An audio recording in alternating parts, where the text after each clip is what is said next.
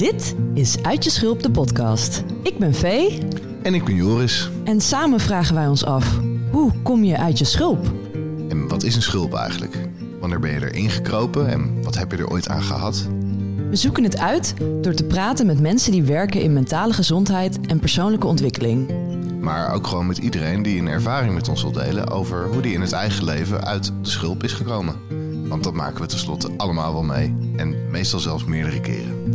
Door de verschillende verhalen en inzichten te delen, hopen we om iedereen die luistert te helpen om ook een klein beetje uit je schulp te komen. Iedereen is welkom. Want iedereen is wel eens uit zijn schulp gekropen. Pak een drankje, schuif lekker aan, laten we beginnen.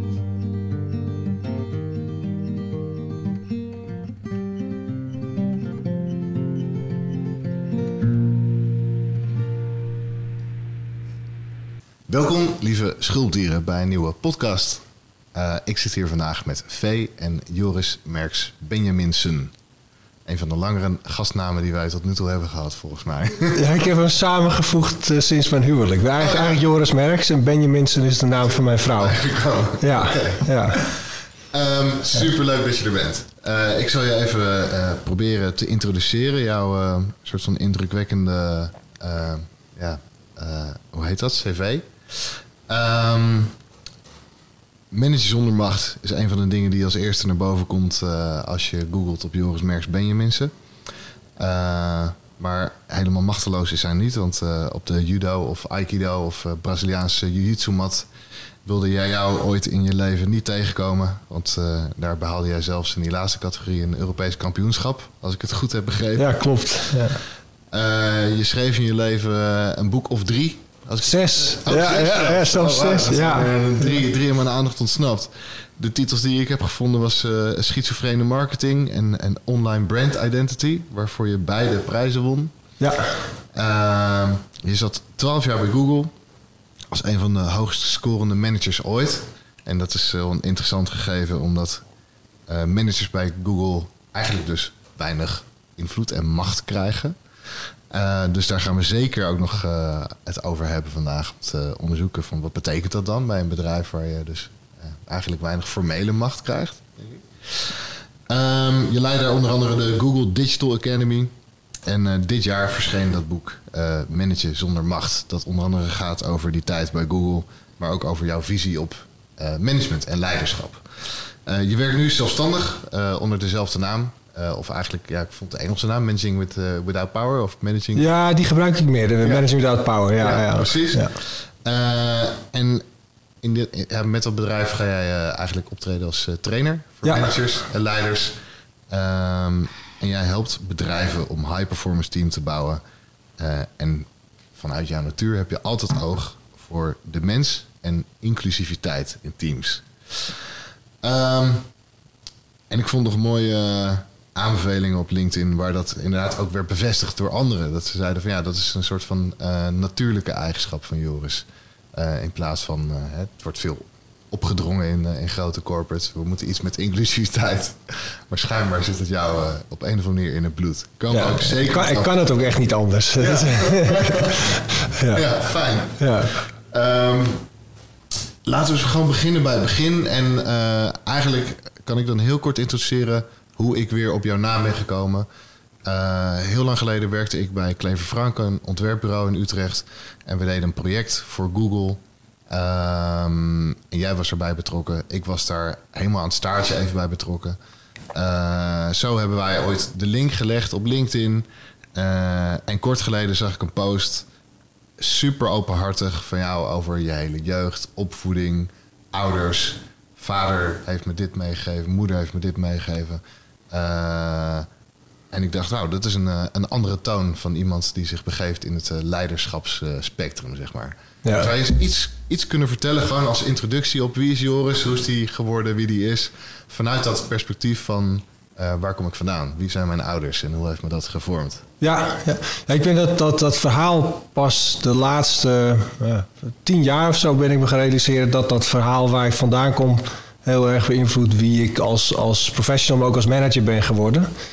En uh, dat, uh, de, de, ook de afgelopen maanden heb ik er heel veel over nagedacht. Toen ik het boek Manager zonder macht schreef, heb ik met name heel erg veel over mijn moeder nagedacht. Ja. En dus mijn ouders zijn gescheiden toen ik een jaar of vijf was. Mm en toen woonden we in uh, Middelie, klein dorpje. In, uh, langs een kanaal met veel weilanden, koeien. Weet je wel, echt een soort... Uh, mijn, mijn jeugdplaatje daar, dat is nog een beetje soort de veilige haven... waar alles nog klopte, weet je zo. En nou, op mijn vijfde gingen ze uit elkaar. En dat had te maken met het feit dat mijn moeder ontdekte dat ze biseksueel was. Hm. Dus die... en op zich was dat op zichzelf staand uh, had, hadden ze er nog best wel bij elkaar kunnen blijven als mijn vader ruimdenkend genoeg was. Weet je, dat, dat hebben ze ook wel pogingen toe gedaan, maar dat, dat, dat was hij niet. Ja. Uh, dus mijn moeder voelde gewoon van oké, okay, er is geen ruimte voor in de relatie. En toen, nou, toen zijn ze uit elkaar gegaan. En vanaf mijn zesde ongeveer vond mijn moeder haar vriendin waarmee ze de rest van de leven samen is geweest. Mm -hmm. En die is toen bij ons ingetrokken. En uh, nou, daar, daar, ben ik eigenlijk, ben eigenlijk door twee moeders opgevoed. Ik kon het ja. meer. En mijn vader die is vanaf dat moment, eh, die had vlak daarvoor met zijn broer uh, Boze Nederland opgericht van de Boze Speakers. Ja. En nou, dus die, die, ik weet eigenlijk niet beter dan dat hij vanaf dat moment, uh, misschien zelfs daarvoor ook, altijd 80 uur per week werkte. En, en die haalde ons dan eens in de twee weken op. En het weekend, en dan nam hij ons mee naar kantoor. En dan ging hij werken. En dan ging mijn zus, die ging uh, op de computer toen nog van die allereerste Macs, uh, ging ze spelletjes spelen. En ik ging in het magazijn uh, heftruck rijden. Oh ja. maar dan was hij gewoon aan het werk, weet je. En, en dan zaterdagmiddag gingen we nog even boodschappen doen samen. Soms even naar oma of zo. Zondag ging hij ook weer eerst even werken, weet je wel. Ja. En dus die was alleen maar aan het werk. Um, ja, dus uiteindelijk heb ik de beleving dat ik vooral door mijn moeder en, en haar vriendin uh, opgevoed uh, ben. En dat, dat heeft op allerlei manieren gevormd uh, hoe, ik, hoe ik naar het leven kijk. En, en, als je vijf bent, is dat gewoon normaal. Weet je? Dus iedereen vraagt dan hoe is het om door twee vrouwen opgevoed te worden. En dan, nou, ja, weet niet. Ik had helemaal geen idee dat dat wij in een of andere manier anders gevormd had dan andere mensen. Ja. En dat ben ik pas later, toen ik dus manager werd. En ook toen diversity inclusion heel erg als thema opkwam uh, ben ik daar steeds dieper weer in terug gaan graven. En, en, en ik ben ook wel als, als volwassen, in, met name in hoe ik me bijvoorbeeld tot vrouwen verhoud, mezelf voet aan de grond krijg, krijg in mijn carrière, mhm. ben ik ook een aantal keer weer daarna teruggegaan van god, wat, uh, wat is er met mij gebeurd? Soms positieve dingen, maar ook soms beschadigende dingen, waardoor ik niet goed in relaties functioneerde of, of niet durfde bepaalde dingen te doen op werk. Ja. Dus dat is een soort reis van wel, wel nou, eigenlijk wel 30 jaar waarin ik geleidelijk aan ontrafeld heb hoe dat mij gevormd heeft. Ja. Ja, En dat teruggaan naar, hoe doe je dat? Nou ja, het, het is ooit begonnen. Um, ik, dus ik heb heel veel vechtsport gedaan. Ik ben op mijn vijfde of zesde met judo begonnen. Mm -hmm. En uh, daarnaast was ik op school uh, eigenlijk altijd een hele goede leerling. Dus ik heb eigenlijk alleen maar, zolang als dat ik dat uh, me herinner, alleen maar 8, 9 en 10 op school gehaald. Ja. Niet omdat alles alleen maar vanzelf ging. Ik werkte er ook wel hard voor. Ja. Um, maar dat lukte altijd. En, en dus dat vond ik ook normaal. Um, en, en, en op een gegeven moment heb ik ook een beetje ontdekt van nou, als je, als je goed presteert, dan laten mensen je met rust, zeg maar. Dus dat, dat is, het is ook een soort veiligheidsmechanisme geworden. Mm -hmm. um, en, en vechtsport speelde daar ook een rol in. Ja. Uh, dus, dus ik uh, trainde heel erg veel, veel deed veel judo-wedstrijden. En op mijn achttiende ging ik dan ook nog veel krachttraining erbij doen. Ja. dus ik werd dus behoorlijk ja, fysiek sterk en, en, en, uiterlijk speelde er ook dan wel een rol bij. Um, dus ja, ik heb mijn hele leven ook nog nooit lastig gevallen door iemand. Gewoon dat je aan de ene kant te sterk bent uh, en, te, en, misschien ook een beetje te vriendelijk. En die combinatie van die twee, uh, nou, dan laten mensen je ook weer met rust. Ja. Weet je wel. En op een gegeven moment uh, ging op mijn twintigste, nee eerder, een negentiende. Um, tijdens een judo-wedstrijd scheurde mijn kruisband. En, en, en dat was eigenlijk het allereerste moment in mijn leven dat er iets uh, was wat ik niet kon oplossen door het harder te proberen. Dus ik, ik, weet, nog dat ik toen bij de chirurg kwam. En die vertelde mij toen van, nou ja, we moeten die kruisband uh, vervangen. Dan, dan loop je iets van drie maanden op krukken. Na zes maanden kun je weer lopen. Negen maanden kun je weer rennen en na een jaar ongeveer dan ben je weer uh, in topvorm. En toen was het eerste wat ik dacht, van, oh, mooi, ga ik dan in zes maanden doen. en, en nou, uiteindelijk is dat uh, nooit meer goed gekomen. Dus ik ben tien jaar lang ben ik vijf keer geopereerd en elke keer weer proberen terug te komen. dan wel vijftien keer opnieuw dwars door die knieën heen geknald. En tot op het punt dat ik moest concluderen van nou, dit kan ik gewoon nooit meer. Ik, ik, kan eigenlijk bijna geen enkele sport meer zelfs. Um, dus heb ik heel bewust een soort lijstje gemaakt. Op een gegeven moment alle dingen die ik niet meer zou gaan doen. Omdat ik elke keer anders steeds weer tegen die grens aan zou uh, lopen. Ja. En dat was het eerste moment in mijn leven dat ik dus de, moest, iets moest accepteren wat ik niet kon. Zeg maar. en, dat, dat, en dat is een soort startpunt geweest uh, voor die reis naar binnen. Van ja, maar waarom doe ik dan al die dingen? Weet je, waarom wil ik perfect zijn? Waarom wil ik zo sterk zijn? En waar, et cetera. En, en dat is als eerste toen begonnen, zo rond mijn twintigste, van, van hoe ik met vriendinnen. Weet je, dus, dus ik had op dat moment. Eh, ik ontdekte toen dat ik me eigenlijk helemaal niet kon voorstellen dat een vrouw mij aantrekkelijk vindt. Dus dat, dat, uh, en als ik daar terug ging denken, waar dat door komt, is dat. Ik had een les, lesbische moeder, twee, twee lesbische moeders. Ja. En al hun vriendinnen waren ook lesbische stellen, bijna allemaal. Weet je? Dus, dus er zaten hele groepen lesbische vrouwen tijdens mijn hele jeugd bij ons in huis. Mm. En die kwamen ook nog eens allemaal uit dat tijdperk waarin de mannenmaatschappij uh, weet je, hun allemaal kansen had ontnomen. En die kwamen allemaal uit, uit huwelijken waar ze heel lang niet zichzelf hadden kunnen zijn, omdat lesbisch zijn toen niet oké was. Nou, dus die waren eindelijk vrijgebroken. En dus ik zat, uh, nou, ik weet niet precies hoe vaak, maar ik heb een herinnering dat ik heel vaak tussen groepen vrouwen zat, die allemaal boos waren op mannen. En, en uh, mijn moeder die was, was ook, ook nog wel labiel, dus die, die had psychoses heel vaak. Um, dronk redelijk veel. En dus ik, ik heb herinnerd dat ik thuis kwam dat ze dan in bed zat, heel hard huilen. En oh, de klote mannenmaatschappij. En, en, nou, en, en dus dat is de, de, dominante uh, verhaal in mijn uh, jeugd, terwijl ik mezelf vormde, is, is, is mannen hebben uh, vrouwen onderdrukt. En geen Polonaise aan mijn lijf, weet je, dat soort uitspraken. En daar werd wel altijd bij gezegd: nou, jij niet, want jij bent wel lief, weet je zo. En, maar intussen ga je toch, dan krijg je een lelijk beeld bij, bij wat mannen zijn, weet je wel. Dus ik kon mij niet voorstellen dat, dat vrouwen mij aantrekkelijk vonden. Ik had ook het gevoel, als ik naar mannen keek tijdens uitgaan op dat moment en ik zag ze vrouwen benaderen, uh, had ik het gevoel dat ze opdringerig waren, grensoverschrijdend. En, en als ik zelf op dat moment naar een vrouw keek, uh, omdat ik die misschien wel leuk vond, um, en, en ze ontdekte dat ik keek, had ik het gevoel dat ik al grensoverschrijdend gedrag had gedaan, dat ik iets vervelends had gedaan, weet je wel. En, en op een gegeven moment was er een moment dat is eigenlijk denk ik de allereerste stap naar, naar die hele kettingreactie van, van steeds meer weer teruggaan. Uh, dat, dat een vrouw naar mij keek. En ik ontdekte dat zij keek. En toen keek ze snel weg.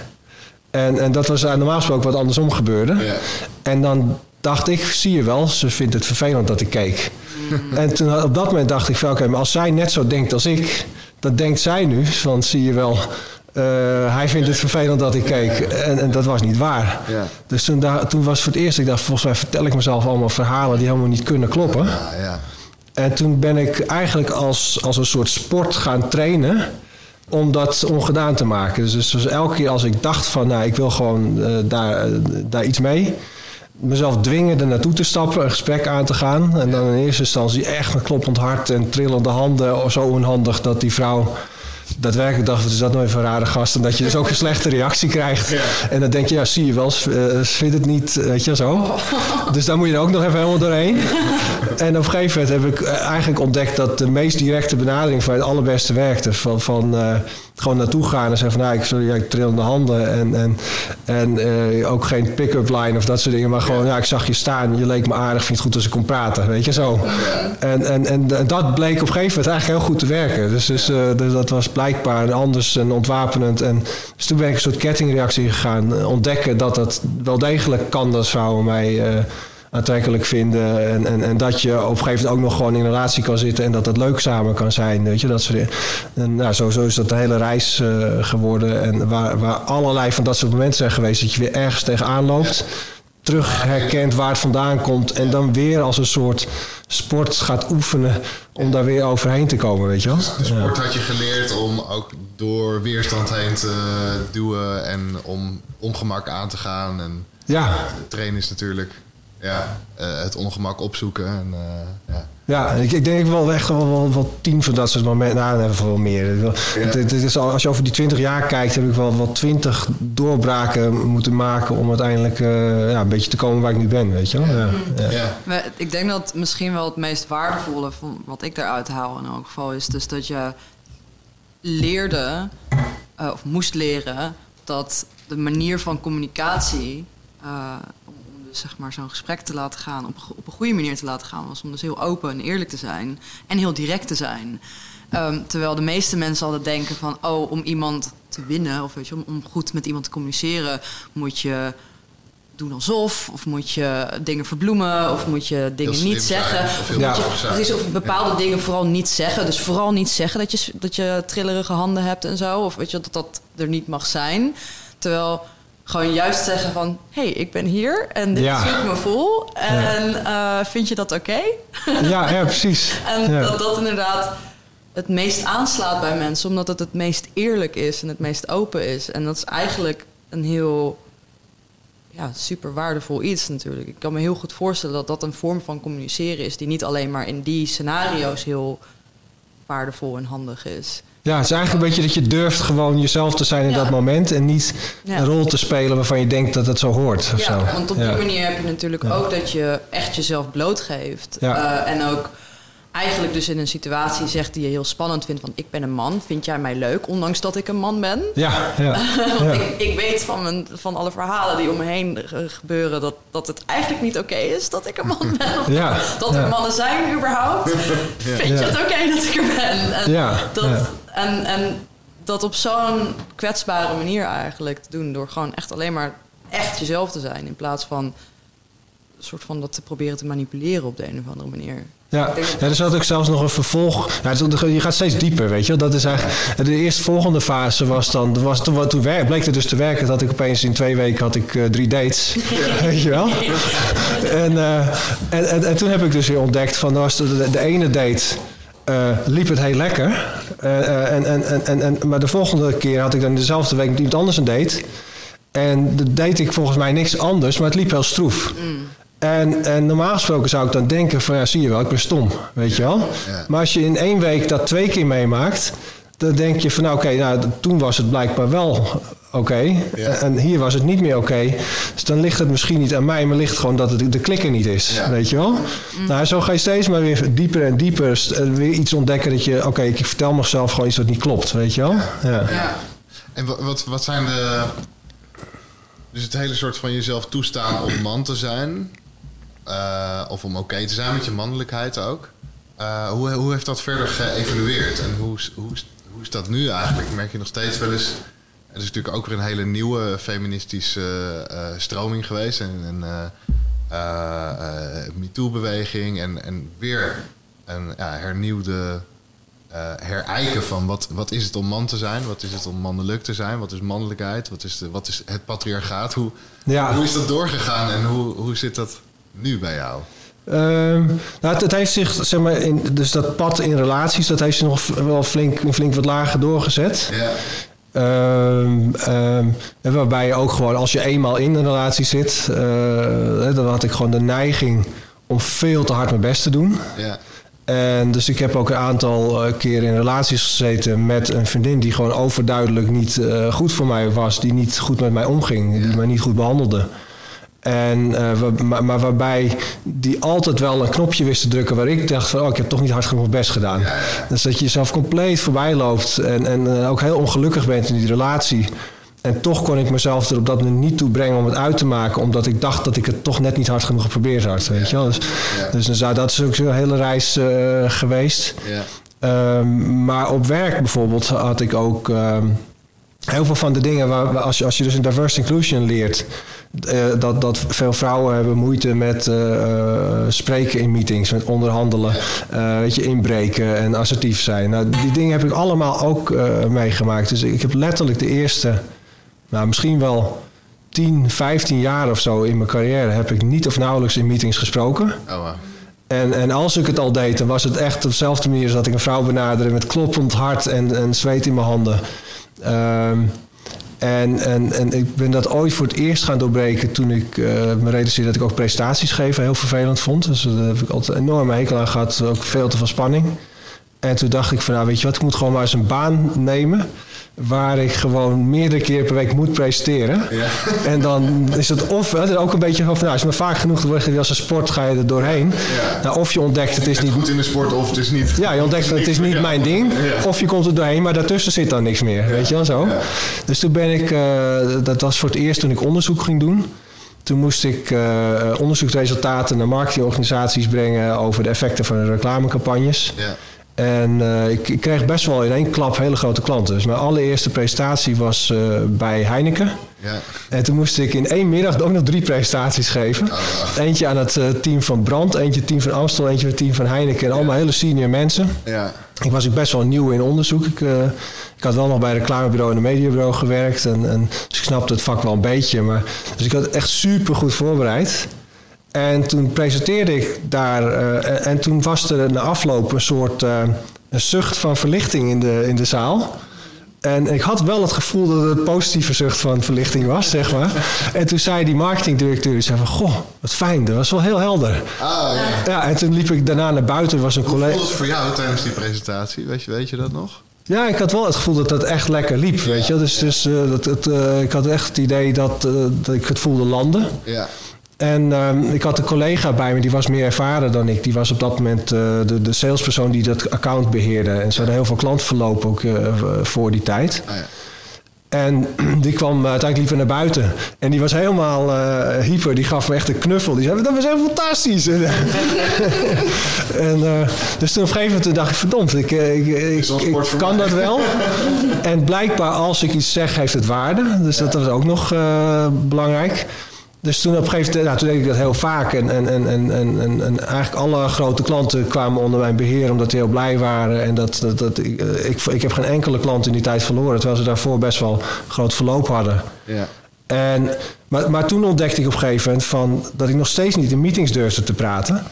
En, en het verschil daarin is dat als je dus ergens staat en je komt presenteren, dan heb je de microfoon al. Terwijl in een meeting, dan zit je in een groep, moet je inbreken.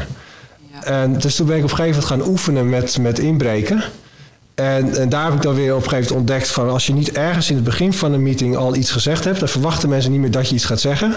En als je dan aan het eind probeert in te breken, dan lukt het je niet. Zeg maar. Dus toen, ben ik, nou, dat is ook met, met, met oefenen, weet je, van oké, dan moet ik dus in het begin alvast wat zeggen, zodat mensen weten dat je bestaat. Weet je, en nou, zo alsmaar oefenen, oefenen, oefenen. alleen maar het introduceren van je rol, eh, zeg maar. Ja, zoiets, ja. En dan moet je daarna nog even een keertje aanwezig zijn. En op een gegeven moment, als je echt je punt maakt, weet je, dan, dan, dan wordt er ook eventjes uh, dat mensen je opmerken, even ruim voor je maken en dat je verder kan gaan. Ja. Dus nou, dat heb ik ook zeker twee, drie jaar lang geoefend. Voordat ik eindelijk een keertje kon uh, iets zeggen in een meeting. Zonder dat ik uh, mijn hartslag omhoog ging. En, weet je wel. En, en nou, onder andere over salaris, precies hetzelfde. Weet je, ik begon ooit, zei ze, wat wil je verdienen? En toen zei ik, nou, ik kan me eigenlijk niet schelen. Ik wil gewoon leren. En dan hoop ik dat, dat je ziet dat ik het goed doe, dat ik daar meer krijg. En het resultaat daarvan is dat je dus zo laag mogelijk salaris krijgt. Als je eenmaal binnen bent, krijg je nauwelijks meer verhogingen. en, en op een gegeven moment had ik een vriend. Die uh, was een beetje wat meer echt een alfamannetje, zeg maar. Ja. En die zei toen van, uh, ik wil een ton verdienen in guldens op mijn dertigste. En een ton in euro's op mijn veertigste. En die, nou, die, die maakte er gewoon een soort sport van. Ja. En die was helemaal niet met de inhoud van zijn werk bezig bezig. Zeg. Die wilde gewoon veel verdienen. en terwijl ik echt, uh, ik wilde gewoon goed zijn wat ik doe. wilde echt klant. En toen dacht ik, ja, maar dat is niet eerlijk, weet je wel. Van, dan, dan, dan, dan ga ik, omdat, omdat ik zo op de inhoud gefocust ben... Terwijl je misschien wel veel beter je werk doet, krijg je veel minder. Ik dacht, dat, is niet acceptabel. Dat past niet bij mijn rechtvaardigheidsgevoel. Ja. Dus daar ben ik ook weer een soort sport van gaan maken. Dat heb ik uiteindelijk in, in, in vier jaar tijd of zo, mijn salaris meer dan verdubbeld. Oh, Dus dat was eerst intern waar ik al zat, twee keer grote verhoging in een redelijk korte tijd. Ja. Ook weer eerst dat ik werd afgewimpeld. Dus, dus uh, toen kwam ik binnen en zei ik tegen baas, nou, ik wil meer verdienen. En toen verzon hij een of ander smoesje. En wist ik niet wat ik moest zeggen. Ik stond weer buiten. En, en toen dacht ik, shit, ik ben afgewimpeld, weet je wel. Nou, weer naar binnen, een maand later, weer afgewimpeld, uh, zo, zo door, weet je wel. En, en uiteindelijk uh, lukte het toch, weet je wel. Ja. ja. Was dat ook, uh, was daar de strategie ook gewoon zeggen: ik heb wel trillende handen, maar ik denk dat ik wel meer verdien? Of, uh... Nee, dat werkt daar, niet, daar weer niet. Dat is het lastige in, uh, dus in de zakelijke omgeving. Word je dan snel zwak gezien, dan krijg je nog minder, zeg maar. Ja, ja. ja. Nee, dus dat, dat is echt wel lastig. Dus daar was het echt wel van ja, met hangende oren afdruipen. Ja. En dan je moet weer bij elkaar verzamelen. En, en volgende keer weer naar binnen. Nou, ik ben het er toch niet mee eens. En, ja, weet je wel? Wat, wat vertelde je jezelf dan dus in die periode tussen het afgewimpeld worden en het toch nog een keer proberen? Uh, wat was het verhaal waarvan je dan toch, zeg maar, weer durfde om het nog een keer te doen? Nou, sowieso omdat het uh, voor mij een leren een leerreis was. Weet je wel? Dus, dus het feit van shit, ik heb me laten afwimpelen. Weet je, dan ben ik nog steeds niet. Heb ik mijn, mijn eigen doorbraakje gemaakt. Het ging me uiteindelijk helemaal niet om meer geld. Ja, het hing, het, het, hing er niet vanaf, zeg maar. Nee, het ging mij vooral om, om, om een doorbraakje maken met iets wat ik niet durf. Ja. Weet je wel, dus in die zin, dan, dan maakt het niet zo heel vaak uit hoe, hoe hard je op je bek gaat, zeg maar. Ja. Uh, en of het wel of niet lukt. Van, het gaat om dat je op een gegeven moment voelt, ik heb die doorbraak gemaakt. En... Uh, dus, dus uiteindelijk was het dan toch weer van... oké, nou, ik heb me laten afwimpelen, dus ik moet er hoe dan ook nog een keer heen, zeg maar. En dan nadenken van oké, met waarmee hebben ze me dan afgewimpeld? Weet je, de, de eerste keer was het, toen zei die man... Uh, ja, weet je, maar, je, je, je, hebt dit en dit salaris, maar je zit ook op een hele veilige plek. Weet je wel, in een consultancybedrijf moet je wel twintig keer je eigen salaris verdienen.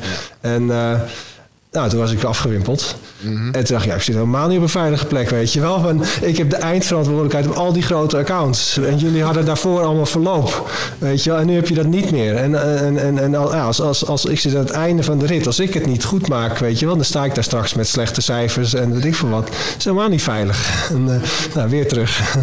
ja. ja, dus echt de, logische case bouwen. Ja, ja. Grappig, want eerder in het verhaal, toen het nog niet ging over werk, en, en noemde je ook inderdaad het woord waarde. En toen schreef ik naar het op van uh, ik zie jou dus uh, aan, aan, het zoeken zijn naar van wat is mijn waarde eigenlijk. Dus wat is mijn waarde als man, wat is mijn waarde als partner, wat is mijn waarde ja. als werknemer. Ja. Uh, en de modus die je hebt gevonden is eigenlijk een soort van lerende Joris. Die zegt, ik, ik ga dit nu leren. Ja. Uh, en daardoor kan je dat eigenlijk op een manier onderzoeken...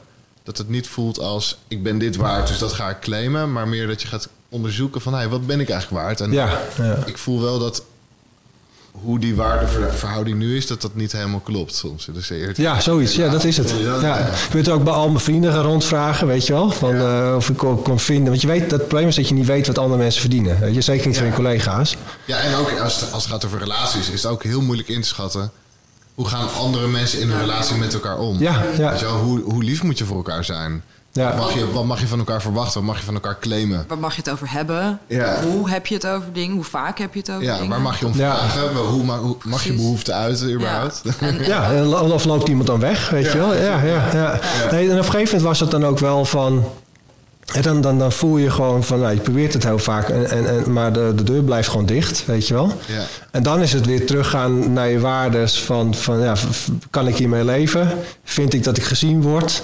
En, en zo niet, uh, ja, dan als je echt fundamenteel twijfelt, toch maar eens kijken van, nou, dan ga ik kijken of ik ergens anders uh, me meer gezien voel, weet je wel. En, en dus dat in die tijd heb ik ook best wel veel uh, van baan gewisseld. En, en dat was overigens in de meeste gevallen niet om geld. Dat was, was uh, in, in, in, in, in, sommige gevallen was het een reorganisatie. Van je bent gewoon bin, net binnengekomen. En, uh, ja, ja, weet je wel. Ik, ik heb wel eens gehad uh, dat ik gewoon diep ongelukkig was in de bedrijfscultuur.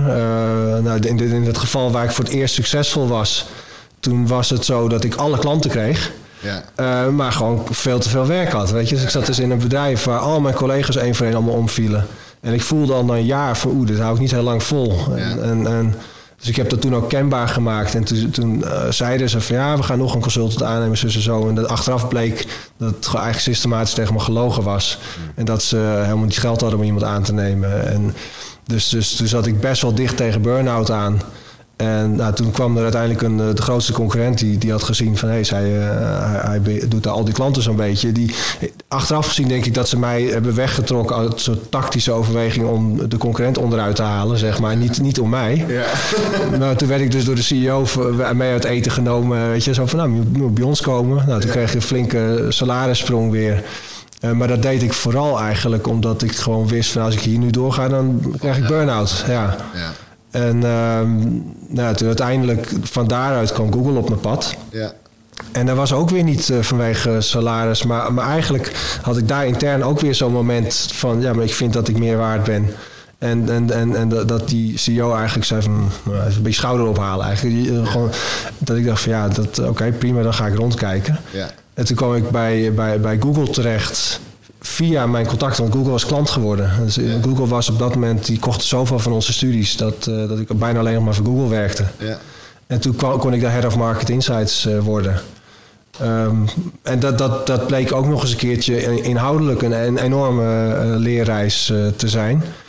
Waarbij ik ook weer een hele korte tijd weer een salarisverdubbeling zeg maar, bereikte. En nou, op een gegeven moment was, was ik al lang voorbij wat ik ooit verwachtte, wat ik zou gaan verdienen. Dus dat, dat, dat maakte dan niet meer uit, weet je wel. Ja. Het heb ik ook ontdekt van zelfs als je echt verschrikkelijk veel verdient, kun je je nog steeds niet gezien voelen. Mhm. Dus uiteindelijk ben ik bij Google weggegaan voor een baan waarin ik de helft verdiende. Ja. Omdat ik me gewoon nog steeds niet gezien voelde. Weet je wel? Dus, dus, dus het, het gaat echt de hele tijd om kan ik nog leren? Kan ik nog groeien? Kan ik nog doorbraken maken? Voel ik me gezien? Weet je, dat is altijd de. Kan ik nog waarde creëren ook? Uh, dat, dat is altijd de drijfveer geweest. Ja. Mooi. En wat, wat hebben jouw ouders nog. Ze zijn van mij allebei overleden. Ja, klopt. Ja. Uh, wat hebben je ouders nog meegekregen van de stappen die je hebt gemaakt in je leven en uh, hoe heb je dat met hun kunnen delen? Nou, ze, hebben denk ik wel allebei uh, gezien dat ik uiteindelijk goed op mijn pootjes terechtgekomen ben. Dus, dus dat ik dat, ze hebben daadwerkelijk mijn, de vrouw gezien waar ik nu mee samen ben en gelukkig mee ben. Weet je? Dus ze, ze hebben alle probleemjaren meegemaakt, alle foute relaties waarin ik diep ongelukkig was, weer een break-up. Weet je? Dat hebben ze allemaal meegemaakt. En dan dus sta je weer op straat omdat je geen huis meer hebt, weet je wel. Ja. En uh, nou, dus dat, dat, hebben ze allemaal meegemaakt, maar ook gezien dat ik uiteindelijk geland ben. Ze hebben nog, uh, mijn vader heeft nog mijn dochter en zoon geboren zien worden, mijn moeder alleen mijn dochter. Dus, dus die hebben wel uiteindelijk uh, het hele pad. Denk, maar ik denk niet, zeker niet mijn vader, die heeft heel, helemaal niet gezien wat dat voor mij betekende, zeg maar. Dus, uh, het verschil is tussen binnen en buiten. Ja, ja dus. Dat is natuurlijk ook gewoon die man die hoge cijfers haalde, succes had in vechtsport. Ja, uh, ja relaties had. Hoe dat voelde voor jou, is, dat zie je ook niet altijd van de buitenkant. Nee, nee dus ik, ik heb die strategie een beetje gebruikt om mezelf onzichtbaar te maken. Weet je wel? En, en als, je, als je bedenkt van die thuissituaties, dan heb je die vader die alleen maar werkt. Ja. Die überhaupt niet naar je omkijkt eigenlijk. Ja. Um, en dan mijn moeder die eigenlijk niet stabiel was. Uh, meerdere keren opgenomen in psychologische inrichtingen, psychiatrische inrichtingen. En dan was haar vriendin, die was, die was tien of twaalf jaar jonger of zo. Die, die, die, ik heb het achteraf nog eens uitgerekend. Die kwam dus in ons gezin ergens in, in de twintiger jaren, weet je. Eh, en dan krijg je zo'n gezin op je dak met een, een vrouw die psychoses krijgt, die te veel drinkt. Weet je, en dus zij moest dat hele gezin runnen. Ja. En ik denk eigenlijk achteraf gezien dat zij toen ook best wel heel lang in een soort burn-out-achtige situatie heeft gezeten. En dat maakte dus dat we weer om haar heen moesten uh, uh, op eieren lopen. Mm. Omdat zij ook gewoon tot, met water aan de lippen had al die tijd. Dus ik herinner me nog dat we dan van mijn vader naar mijn moeder kwamen op zondagavond. bracht mijn vader ons weer thuis. Ja. En het eerste wat mijn moeder deed, dus de deur open doen. En zat ze zo... En, weet je wel zo. En, en, en dus daar waren wij heel verdrietig van, dan moest je weer op eieren lopen. Ja, ja. En dus dat heb ik haar uiteindelijk toen ik ouder was wel eens kwalijk genomen. Van ik voel me niet welkom thuis. Zo, ja. dat, en, maar, maar achteraf gezien, als je als volwassene naar terugkijkt, denk ik dat zij het fundament onder dat hele gezin is geweest. Ja. En, en, en, ja. en dus, dat uh, niet is gezien en gewaardeerd. Ja, dus zij is ook helemaal wat in die tijd. Het is niet de rol van kinderen om dat te zien en te waarderen. Ja, je krijgt zo'n gezin, dat is helemaal niet jouw gezin, ja. weet je wel. Dan moet je die, die, dus, dus zij heeft echt, als, als zij er niet was geweest, was ik nooit zo mijn pootjes terechtgekomen, denk ik. Maar ja. dat is eigenlijk best een, een interessante soort van uh, vicieuze cirkel ja. die, die er aan de hand is. Want wat je eerder ook zei, van als je goed presteert, laten mensen je met rust. Ja. Dus dat ze van, oh ja, als ik maar gewoon goed mijn best doe, dan, dan wordt er ook niet zoveel van gevonden of zo. Dan is, dan, ja, ja, En eigenlijk dus wat dat is, wat je zei, het is een verdedigingsmechanisme. Dus je maakt jezelf onzichtbaar daarmee. Dus eigenlijk hoe meer, hoe beter je presteert, ja hoe minder je eigenlijk dus jezelf laat zien. Of gezien, de kans geeft om gezien te worden. Ja. Dus heb jij nu... Heb je dus nu het gevoel dat je wel gezien wordt? Ja, het varieert een beetje. Het, is, uh, maar het was wel, zeg maar, dat... dat het is, ik denk, bij, bij mijn vader denk ik dat het nooit zo is geweest. Dus, dus uh, die, uh, die had het gewoon niet in zich om... om uh, dus je, je benaderde mij over kwetsbaarheid, weet je wel. Nou, die wist echt niet hoe die kwetsbaar moest zijn. Die, die, die, die kon wel ondersteunend voor mij zijn, maar alleen maar op de momenten dat ik echt helemaal uh, geen huis meer had in het diep zat, hè, dan, dan was hij de held die kwam helpen. Als echt zichtbaar nodig was. Ja, of als hij financieel kon helpen, weet ja, je wel. Ja. Uh, ja, meestal kon ik heel goed voor mezelf zorgen en op een gegeven moment verdiende ik veel meer dan dat hij ooit verdiend had. Ja. En de, dus had hij het gevoel van, nou prima, dan heb je mij niet nodig. Zo. Eigenlijk dat is een beetje dat. Terwijl ik eigenlijk gewoon nodig had een vader die naar je kijkt, oprecht, met aandacht, die ziet wie je bent, weet je wel.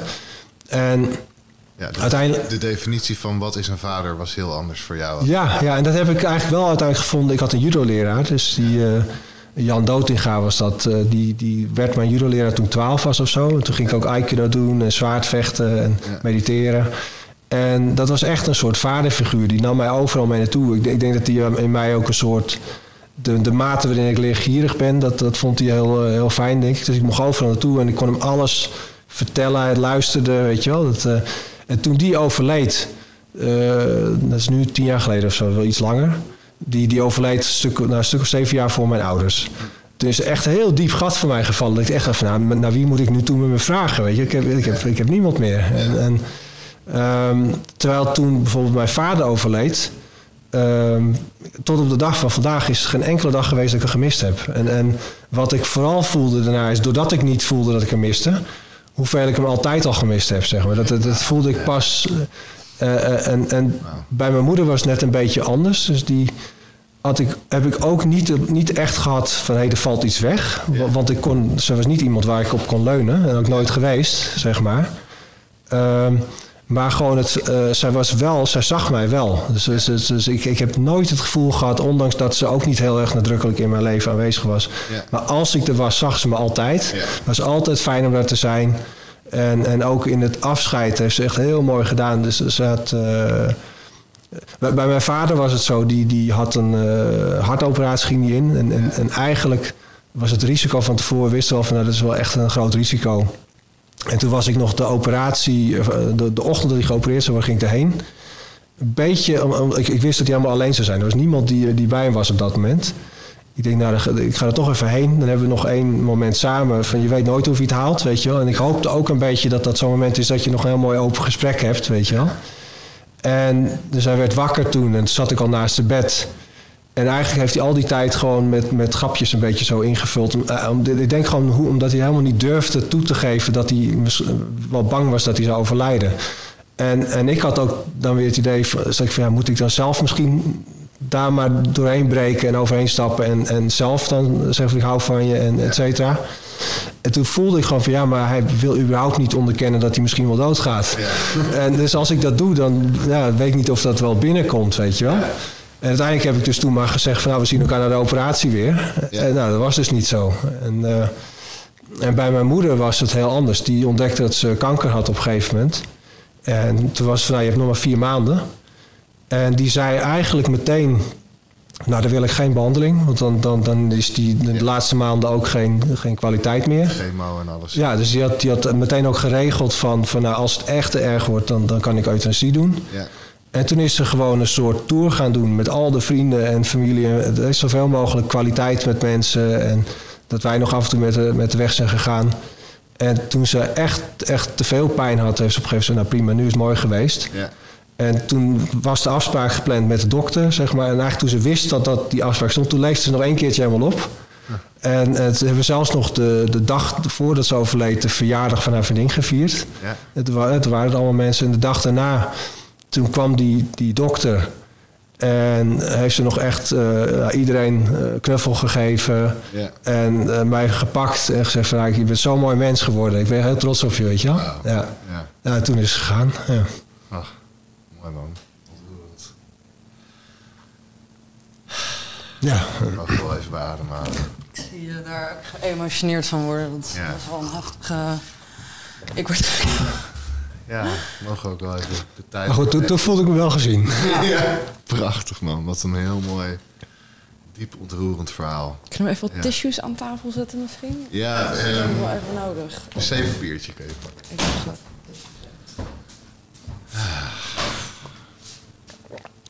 Wat fantastisch dat ze dat zo heeft, uh, heeft kunnen doen. Ja, is ook echt heel knap. Ja. ja. ja. Ook geen moment van angst, weet je helemaal niks. Nee. Echt, echt, het was letterlijk gewoon, gewoon uh, ik heb een mooi leven gehad, weet je wel. Ze, ze ging daar liggen, kreeg een injectie, viel in slaap. Ze, ze, ze, zei ik dan van, ja, nou, daar ga ik, hè.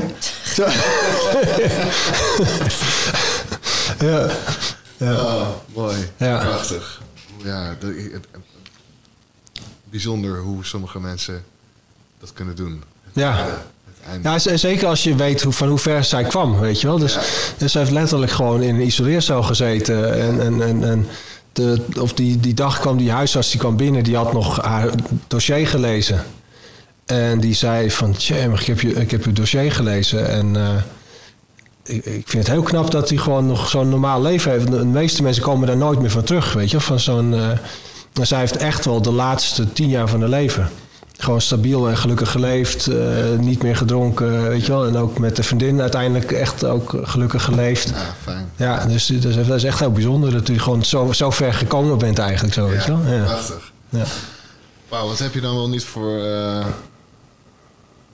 mooie, rijke voorbeelden van, van beide ouders? Hoe, het, hoe, het, hoe, het, hoe je het zelf wel en niet wil. Ja. Hoe dingen kunnen veranderen in een mensenleven. Ja. Um, en um, wat neem je hiervan mee in jouw vaderschap? Je hebt twee kinderen. Nou, sowieso heeft het zeg maar, mijn kijk op, op, op uh, moed en kracht heel erg eigenlijk omgedraaid, weet je wel. Want ik, want ik zag mijn vader altijd als de succesvolle en de, de sterke, weet je wel. En mijn moeder zag ik altijd... De ondernemer. Ja, ja, ja, ja. En die kon altijd iedereen overtuigen, weet je wel. En... Uh, Um, en, en, mijn moeder, die, ja, die, die, die kwam maar niet op gang en die, die, die, die draaide maar rond. En, en, terwijl als je dan later ziet hoe ze afscheid hebben genomen, nou, sterker dan mijn moeder kan bijna niet, weet je wel. En, en, en mijn vader is eigenlijk het einde van zijn leven vooral heel ongelukkig geweest en, en was niet moedig genoeg om, om echt connectie, connectie te maken met de dingen en de mensen die er echt het meeste doen. En dus ik ben nu eigenlijk heel anders over kracht en moed gaan, gaan nadenken. Zowel thuis maar ook op werk bijvoorbeeld, weet je wel. Dus op, op werk is het echt wel zo, dat, dat eh, de mensen die een beetje eh, borstkloppen, assertief zijn... Hè, al die traditionele mannelijke kwaliteiten... daar kom je, veel, je veel makkelijker succesvol mee. Ja. Uh, terwijl je met, met uh, introverte mensen bijvoorbeeld... Die, die hebben het veel moeilijker in een, in een corporate... om gezien, uh, gewaardeerd en gehoord te, te worden. Ja. Terwijl die in heel veel gevallen meer te bieden hebben... als het gaat om impact hebben. En dus, ja, dus dat, dat, dat, speelt zakelijk gezien voor mij heel erg een rol over hoe ik, uh, wat voor omgeving wil creëren. En voor mijn kinderen, uh, het belangrijkste is gewoon dat, dat, ik weet. Mensen vroegen heel vaak aan mij van, van uh, mis je als je door twee vrouwen opgevoed wordt, weet je wel, van mis je dan niet een, een vaderfiguur of zo? Mm -hmm. En Volgens mij is dat helemaal niet zo. De enige reden waarom ik een vaderfiguur miste, omdat is dat ik er eentje had die, me niet zag. Weet je wel, maar als je gewoon uh, door twee vrouwen wordt opgevoed in een situatie waarin die vader überhaupt niet bestaat en je hebt die twee vrouwen die jou zien, ja. dan mis je helemaal niks. Ja. Weet je wel. Dus het, het, gaat alleen maar om dat degene die jou opvoeden, eh, die jouw ouders zijn, dat die je zien. En dus, dus, dus het allerbelangrijkste wat ik voor. Dat is gekoppeld aan het idee de man brengt deze eigenschappen en ja. de vrouw brengt deze eigenschappen. Ja, precies. Ja, ja. En dat, weet je, ik heb wel natuurlijk dat, dat stuk van dat ik het gevoel heb dat ik geen man mag zijn, weet je wel. Ja. Maar dat komt volgens mij ook helemaal niet doordat ik door twee vrouwen opgevoed ben. Dat komt omdat die generatie toevallig allemaal uit het feminist, uh, uit zo'n tijd komt waar, waar vrouwen gewoon boze mannen waren. Ja. Uh, en, en, dat dat toevallig het dominante verhaal was in mijn jeugd, ja. weet je wel. En, en, en, en, daar hadden ze ook nog gelijk in. Dus het is ook nog wel... De, maar goed, de, toevallig heeft dat me ook uh, gevormd op een manier waar ik even wat mee, mee moet, moet dealen. Maar dat komt niet doordat ik twee, de twee vrouwen opgevoed ben. Het is gewoon omdat dat toevallig die fase in de wereld was. Precies. Ja. Ja. En um, kan je iets zeggen over... Uh, want we hebben natuurlijk nu het verschil over tussen, tussen je moeder en je vader gehad... van wat je gezien hebt qua kracht en zo. Wat, wat is het verschil tussen hun twee vormen van geluk geweest? hoe zij de wereld ervaarde. Ja, ik denk dat mijn vader helemaal niet gelukkig was. Dus dat, dat, uh, ik denk wel dat die, de, de, de positieve herinnering die ik aan mijn vader heb, is, is, is als hij uh, dat bouwen van dat bedrijf, weet je wel. Van, van gingen dan vaak mee naar. Uh, het was ook best leuk om met hem naar kantoor te gaan of zo. Er zit wel een soort energie in dat bouwen. Ja. En als, als we bijvoorbeeld weer nieuwe luidsprekers hadden, dan was hij altijd heel trots dat, ze, dat zo'n mooi geluid in was. En dan was in de showroom de muziek heel hard aan. En dan ja. ging vertellen hoe mooi dat geluid was, weet je wel. En dan ging je altijd mee naar de Virato. Dat was zo'n uh, zo'n techbeurs in, uh, in de Rai in Amsterdam. En, en, en nou, de, daar zat een bepaalde energie in waar hij volgens mij wel echt gelukkig van, uh, van werd. Yeah.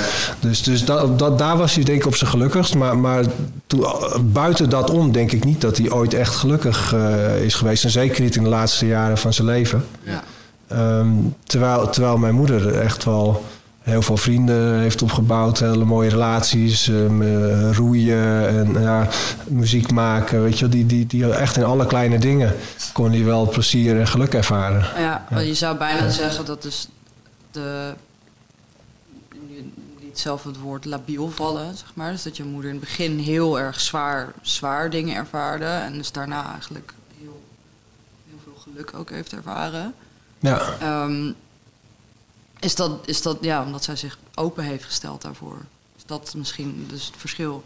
Je vader was dicht en je moeder was open.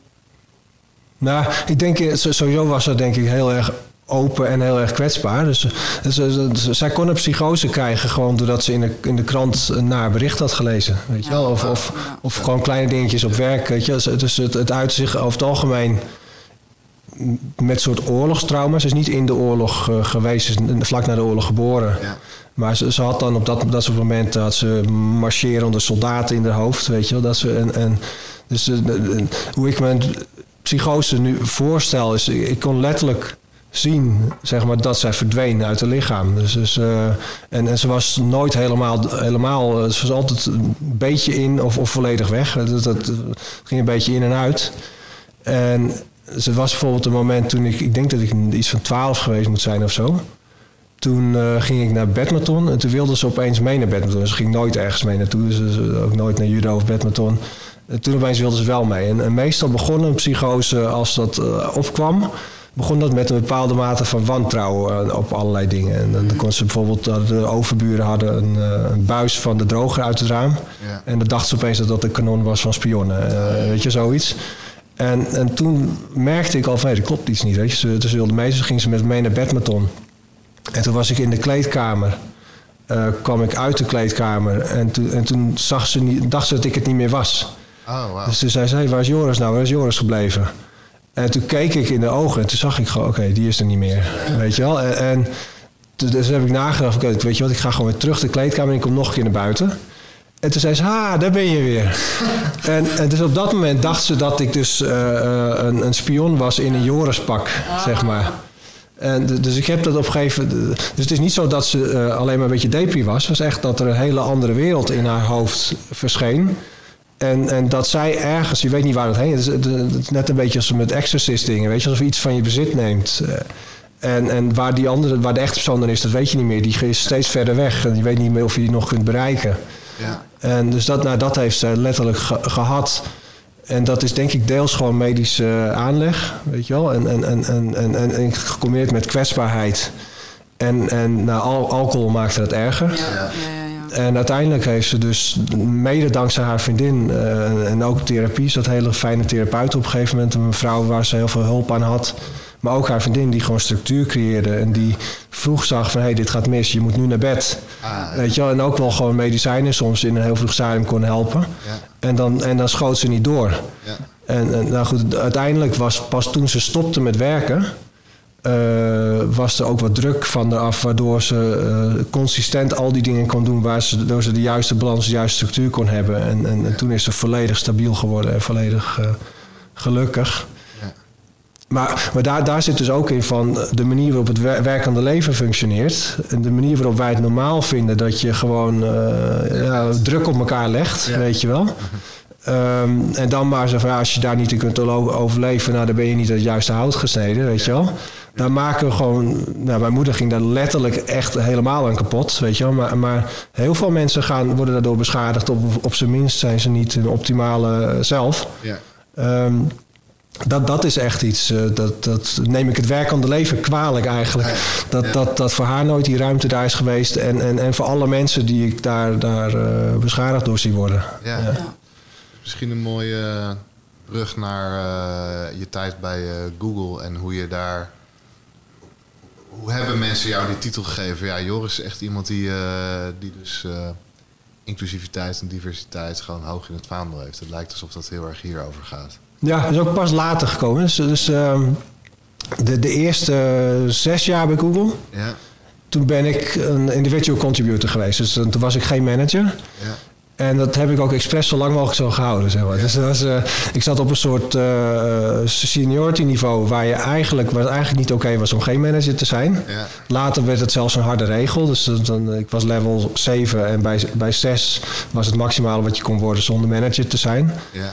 En, maar ik vond het gewoon te leuk om met klanten te werken. En, en, uh, en, ik had ook het gevoel van, als mensen eenmaal manager werden, dan werden ze vooral intern gericht en politiek. En ze kwamen nooit meer bij klanten. Ze snapten niet eens wat er bij klanten gebeurde. En, dus ik had echt het idee van, nou, die, die lui die, die voegen geen waarde meer toe. Ja. En zo wil ik niet worden. Dat was eigenlijk een beetje... Dus ik heb dat zo lang mogelijk uitgesteld. En toen was er op een gegeven moment... Toen verschoof ik een beetje van onderzoeker naar digital marketing transformations. Ik, er was ook weer zo'n doorbraakding van ik, ik had leren presenteren, mhm. maar ik vond nog steeds voor grote groepen vond ik eng. Dus toen ben ik mezelf gaan dwingen congressen te doen. Dus heb ik op een gegeven moment in, in twee, drie jaar tijd heb ik uh, wel op honderd congressen gesproken. En uh, dus als ik dat maar weer vaak doe, weet je wel. Ja. En, en, en, en nou, dus dat ging ik heel vaak doen en dat sloeg ook aan. En toen ging ik mijn boeken schrijven. Dus dan heb ik ergens in de tijd schizofrene marketing als eerste geschreven. En die won toen de prijs voor beste marketingboek. Ja. Toen dacht ik, oh verdomd, ik, uh, mensen, als ik iets schrijf, zijn mensen er blij mee, weet je wel. En, maar toen werd mijn verhaal ook zo groot dat het uh, eigenlijk niet meer paste in een keynote van 30 minuten. En het paste niet meer uh, ja, gewoon in een meeting. En dus toen, toen, toen op een gegeven moment... En ik voelde ook van, ik ben eigenlijk helemaal geen onderzoeker meer. En toen ben ik, heb ik eigenlijk mijn eigen jobspec geschreven. Ik ben bijna bij Google weggegaan op dat moment. En toen dacht ik, ja, maar ik vind Google nog wel een bijzonder bedrijf. En ik vind wat ik nu doe wel leuk. Dus toen ben ik, heb ik mijn jobspec geschreven. Van ik, wil Head of Digital Transformation worden. Ja. Ik wil in dat team zitten. En ik ben naar de country manager gegaan. En zei, nou, dit is wat ik, hoe ik denk dat klanten... Dit is de rol die klanten ook verwachten van Google. Ze willen dat Google een partner in digital transformation is. Ik denk dat dat kan. Ik heb dat bewezen. En toen hebben ze daadwerkelijk die rol voor mij gecreëerd. Um, heb ik eerst een tijdje mijn eentje gedaan. En toen werd dat een Noord-Europese uh, rol. Dus toen mocht ik ook nog wat uh, collega's om mij heen trainen. Die ook uh, dezelfde workshops gaven als die ik gemaakt had. Ja. En toen op een gegeven moment bleek dat er een ander team, Google Digital Academy, dat was parallel met hoe ik dat deed ook ontstaan. Ja. Maar die deden hetzelfde als ik, maar dan met twintig mensen. Ah, ja. En dus daar kwam ik eerst binnen als de, de manager van het team dat de inhoud van de workshops ontwikkelt.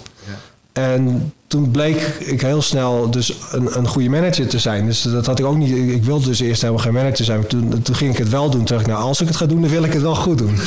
dus toen, heb ik eigenlijk uh, van de ene op de andere dag heb ik alle, helemaal geen enkele uh, congrespresentatie meer gedaan. Geen enkele klantmeeting meer gedaan. Dus ik ben gewoon van de ene op de andere dag volledig verdwenen uit Nederland. Ik, ik, woonde nog wel in Nederland, maar, maar ik werkte met een Europees team en ik leidde een Europees team. En dus ik ben, de, de, nou, de laatste sessie bij Google heeft niemand mij meer ooit gezien in Nederland. En um, heb ik me alleen maar gericht op hoe, hoe word ik een goede manager voor mijn team. Ja. En toen kreeg ik uiteindelijk dus vanaf de allereerste dag, je wordt beoordeeld twee keer per jaar door je team op, op de tien gedragingen van great managers. Die heeft Google ooit, de People Analytics team heeft er onderzoek naar gedaan. Gekeken wat zijn nou managers die uh, door het team goed gevonden worden, maar ook waarvan de teams het beste presteren. Ja. En daar zijn tien gedragingen uitgekomen. Die gebruiken ze sindsdien in, in de beoordelingen van managers. En het team moet je daar scoren. En daar heb ik twaalf keer achter elkaar alleen maar 100% gescoord. En terwijl dus dat één keer is eigenlijk al, al bijzonder. Ja. Dus na twee, drie keer begon dat op te vallen. en, um, en, toen kreeg ik dus in een redelijk korte tijd... had ik eerst een klein stukje van dat team... wat Google Digital Academy... en binnen twee, drie jaar of zo heb ik het hele team gekregen. Ja. En ben ik uh, Diversity Inclusion in Europa mocht ik uh, gaan runnen. Um, en, en, en uh, kijken. Ja, uiteindelijk heb ik dat dus nog, nog vier jaar doorgedaan. Mhm. En toen kwam dus Diverse Inclusion op. Ja. En dat was echt op zijn Amerikaans. Dus, dus ik, eerst dacht ik, ja, maar ik heb helemaal geen verstand van Diverse Inclusion. Dus uh, ja, ik, ik, wil daar wel wat mee. Want ik vind dat uh, iedereen succesvol moet kunnen zijn. Uh, en ik zie dat de huidige manier waarop dit gebeurt, er komen heel veel mensen niet tot hun recht. Ja, zoals jouw moeder. Ja, ja.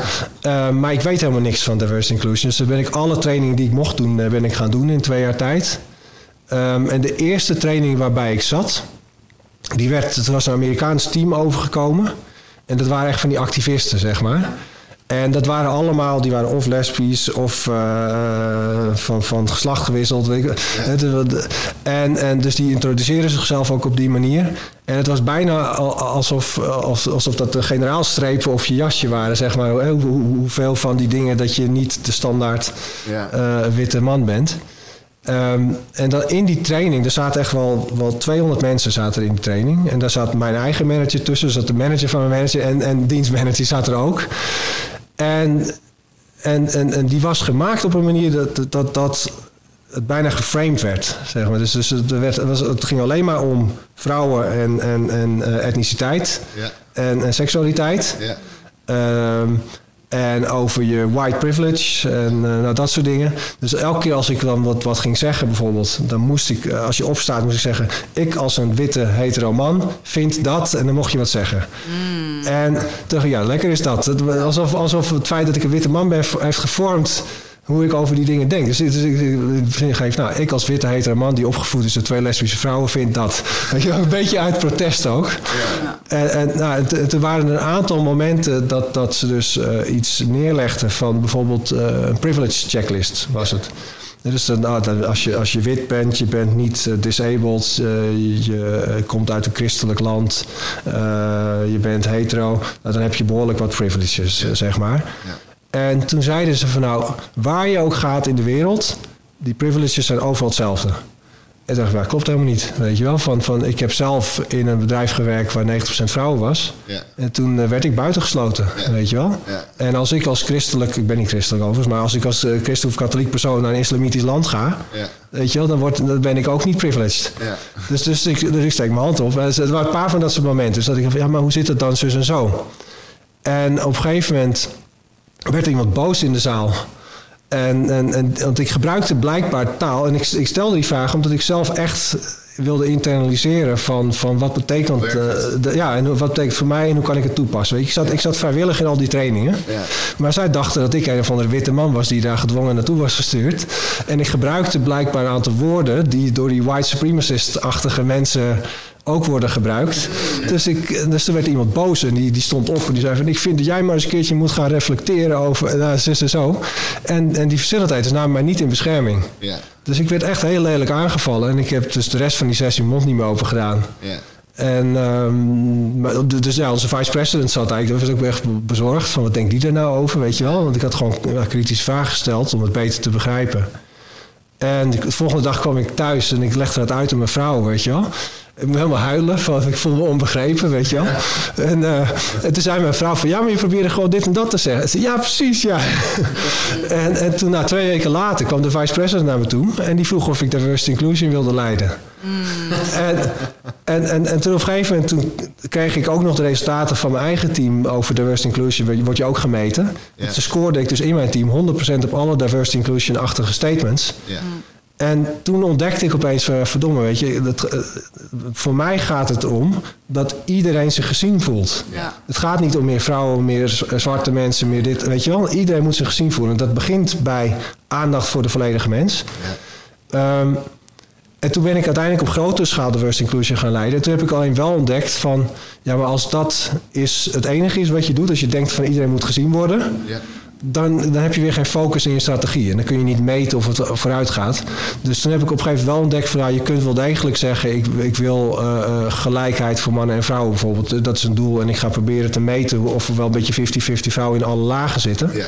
En als je, dat, als je de, de organisatie er meer ruimte geeft voor, voor vrouwen, dan los je daarmee ook allerlei problemen voor allerlei andere vormen van inclusie, los je daar ook mee op. Ja. Dus, dus, dus, Zoals nog eens een voorbeeld? Um, nou, bijvoorbeeld als je zegt van... Ehm, uh, vrouwen en minderheden hebben vaak meer moeite met onderhandelen over salaris. Ja. Dus, uh, uh, en, en over promotie. Als je zegt van nou dat, dat willen we gelijk maken en we gaan een, een mooi systematiek maken voor hoe mensen beoordeeld worden. Mm -hmm. Waarin je per joblevel afspreekt van nou als je die, die en die criteria, dan opereer je op het juiste level. Ja. Um, en je gaat dat heel systematisch toepassen, waarbij je ook allerlei unbiasing uh, tijdens het proces doet. Waardoor iedereen eerlijke prestatiebeoordelingen krijgt. En vervolgens is de prestatiebeoordeling wat bepaalt of je wel of geen salaris krijgt. En niet of jij daarheen gaat en zegt: Ik vind dat ik meer mag verdienen. Ja. En als iedereen die extern wordt aangenomen op een bepaald joblevel hetzelfde krijgt als iemand die net een promotie heeft gehad. Ja Weet je wel, dan, dan creëer je automatisch daar al, al gelijkheid. Niet alleen voor vrouwen, ja. maar voor iedereen die het moeilijk vindt om assertief te zijn. En voor iedereen die het moeilijk vindt om te zeggen: Ik vind dat ik meer moet verdienen. Precies, in plaats van dat het een soort van individuele verantwoordelijkheid wordt: van oké, ga, maar jij, ga jij maar even wat assertief assertiviteitstrainingen doen ja. vrouw. In plaats daarvan heb je gewoon dat het systeem aan zich niet nodig is om assertiviteit. Ja, en je kunt meten of, of, of het lukt om dus in alle lagen meer vrouwen te krijgen. En je kunt meten of die vrouwen ook niet gemiddeld gezien vaker weggaan. Ja. Dus stel dat je zegt van we, we gaan een target zetten, we moeten meer vrouwen maar je doet niks aan inclusiviteit, dan komen ze binnen en gaan ook weer weg. Terwijl als je meet van ze zitten er en ze gaan niet sneller weg dan de rest, dan heb je iets veranderd aan je inclusiviteit. Wat waarschijnlijk ook ten gunste komt van introverte mensen. Alleen introverte mensen, dat kun je minder goed meten. Je, je kunt niet in je data kijken en je weet niet precies wie. Nee, precies.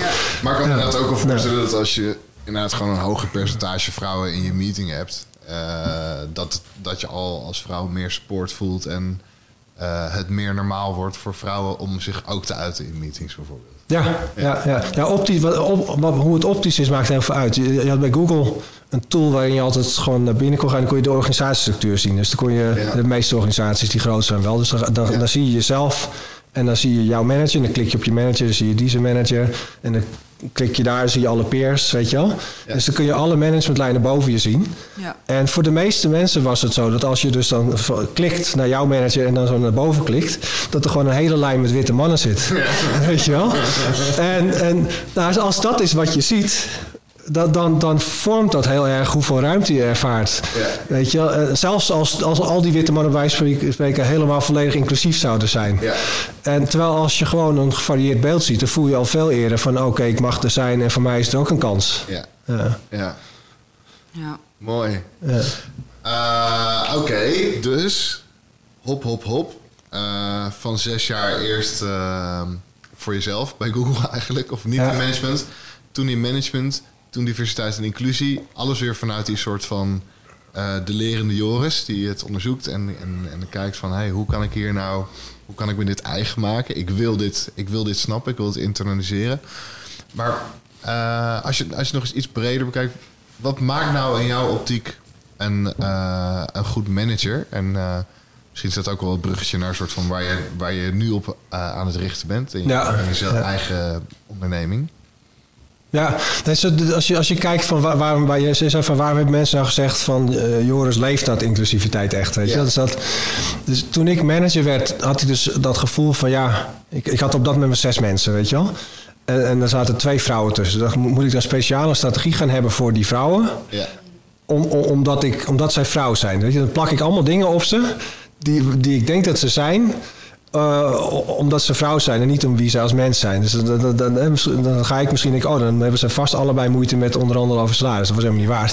Ik had toevallig twee heel assertieve vrouwen in mijn team. Die onderhandelden veel harder over allerlei dingen dan de meeste mannen in mijn team. En, en dus toen dacht ik, ja, dat slaat helemaal nergens op. Als, weet je, als ik maar zes mensen heb en ik kan ze allemaal zien. Dus, uh, dus toen ben ik in eerste instantie gewoon, uh, heb ik iets gedaan. Volg ik twee keer per jaar minimaal naar ze toe. Ja. En dan gingen we gewoon hele dagen uh, wandelen. Dus me meestal gewoon het bos in. En uh, mijn doel was gewoon de volledige mens zien in een uh, niet-werkomgeving. En, en dat, dat, deels gebruikte ik dat om, om te, te, doen wat ik noemde eerlijke gesprekken, of ehm, oprechte gesprekken over carrière en persoonlijke groei. Zo heb ik het nu genoemd in mijn boek. Dus een van de vijf Brilliant Basics. Um, en een deel daarvan was ook echt gewoon werkgerelateerd. Van waar krijg je energie van, waar minder van. Uh, welke projecten vind je nu leuk? Waar wil je meer hebben van, wat minder van? wat vind je prettig in hoe, je, hoe ik jou manage? Wat minder, minder prettig? Waar wil je heen groeien? En dat is gewoon echt een carrièregesprek. Maar, maar ik, ik, ik stak daar zoveel tijd in. En ook in de omgeving van laten we eens wandelen in het bos. Omdat er dan ook nog veel meer boven tafel komt. En, Weet je wel? dus dat, dat, dat werd echt een soort gewoonte waarbij ik ofwel naar hun vloog of zij naar mij. Ja. En dat deed ik voor al mijn teamleden. Ja. Ehm, en uh, degene waar, waar, waar, waar, waar, wiens thuisland het was, die mocht kiezen wat we gingen doen. Zeg maar. dat, dat, was uiteindelijk de regel. En, um, maar als je dat dus niet doet, uh, wat er dan gebeurt is dat uh, de mensen die toevallig dicht bij de manager zitten, die wat vaker koffiechats inplannen, die lijken op de manager, weet je, die worden wat meer gezien, de rest wat minder gezien. En dat is eigenlijk al het startpunt voor alle ongelijkheid. En, en um, zo was ik begonnen. En toen had ik op basis daarvan kon ik dus iedereen aansturen op de manier die bij ze paste. Ik kon ze op de projecten zetten die bij ze pasten. En ik had ook gewoon elke week met iedereen een uur de tijd om te kijken hoe gaat het en bijsturen. Ja. Eh, dus, dus, dus eh, gewoon alleen al het, bewust inplannen van die tijd en al die aandacht, dat, dat, dat maakte dat het op dat moment werkte. Ja, en gaat het in die gesprekken vooral over de werknemer of ook over de manager? Uh, nou, uh, ik wil het niet overnemen met mijn verhaal, zeg maar. Dus dat, dat is wel belangrijk. Maar tegelijkertijd uh, leren ze, juist door ook te zien wie ik ben... Uh, en, en, ook kwetsbaar dingen te delen. Weet je, ik heb, ik heb sommige mensen bijvoorbeeld naar mijn geboortedorp meegenomen, weet je wel. dat soort dingen. En daardoor zien ze heel veel van jouw leven. En, en um, dus daar, dat, dat is ook een belangrijk onderdeel van vertrouwensrelatie opbouwen met je team. Waardoor zij zichzelf durft te zijn en je weer meer te zien krijgt. Dus, dus, dus, je moet je kwetsbaar op durven te stellen. Als je, als je, als je een beetje. Dat, daar komt die titel manager zonder macht uh, vandaan.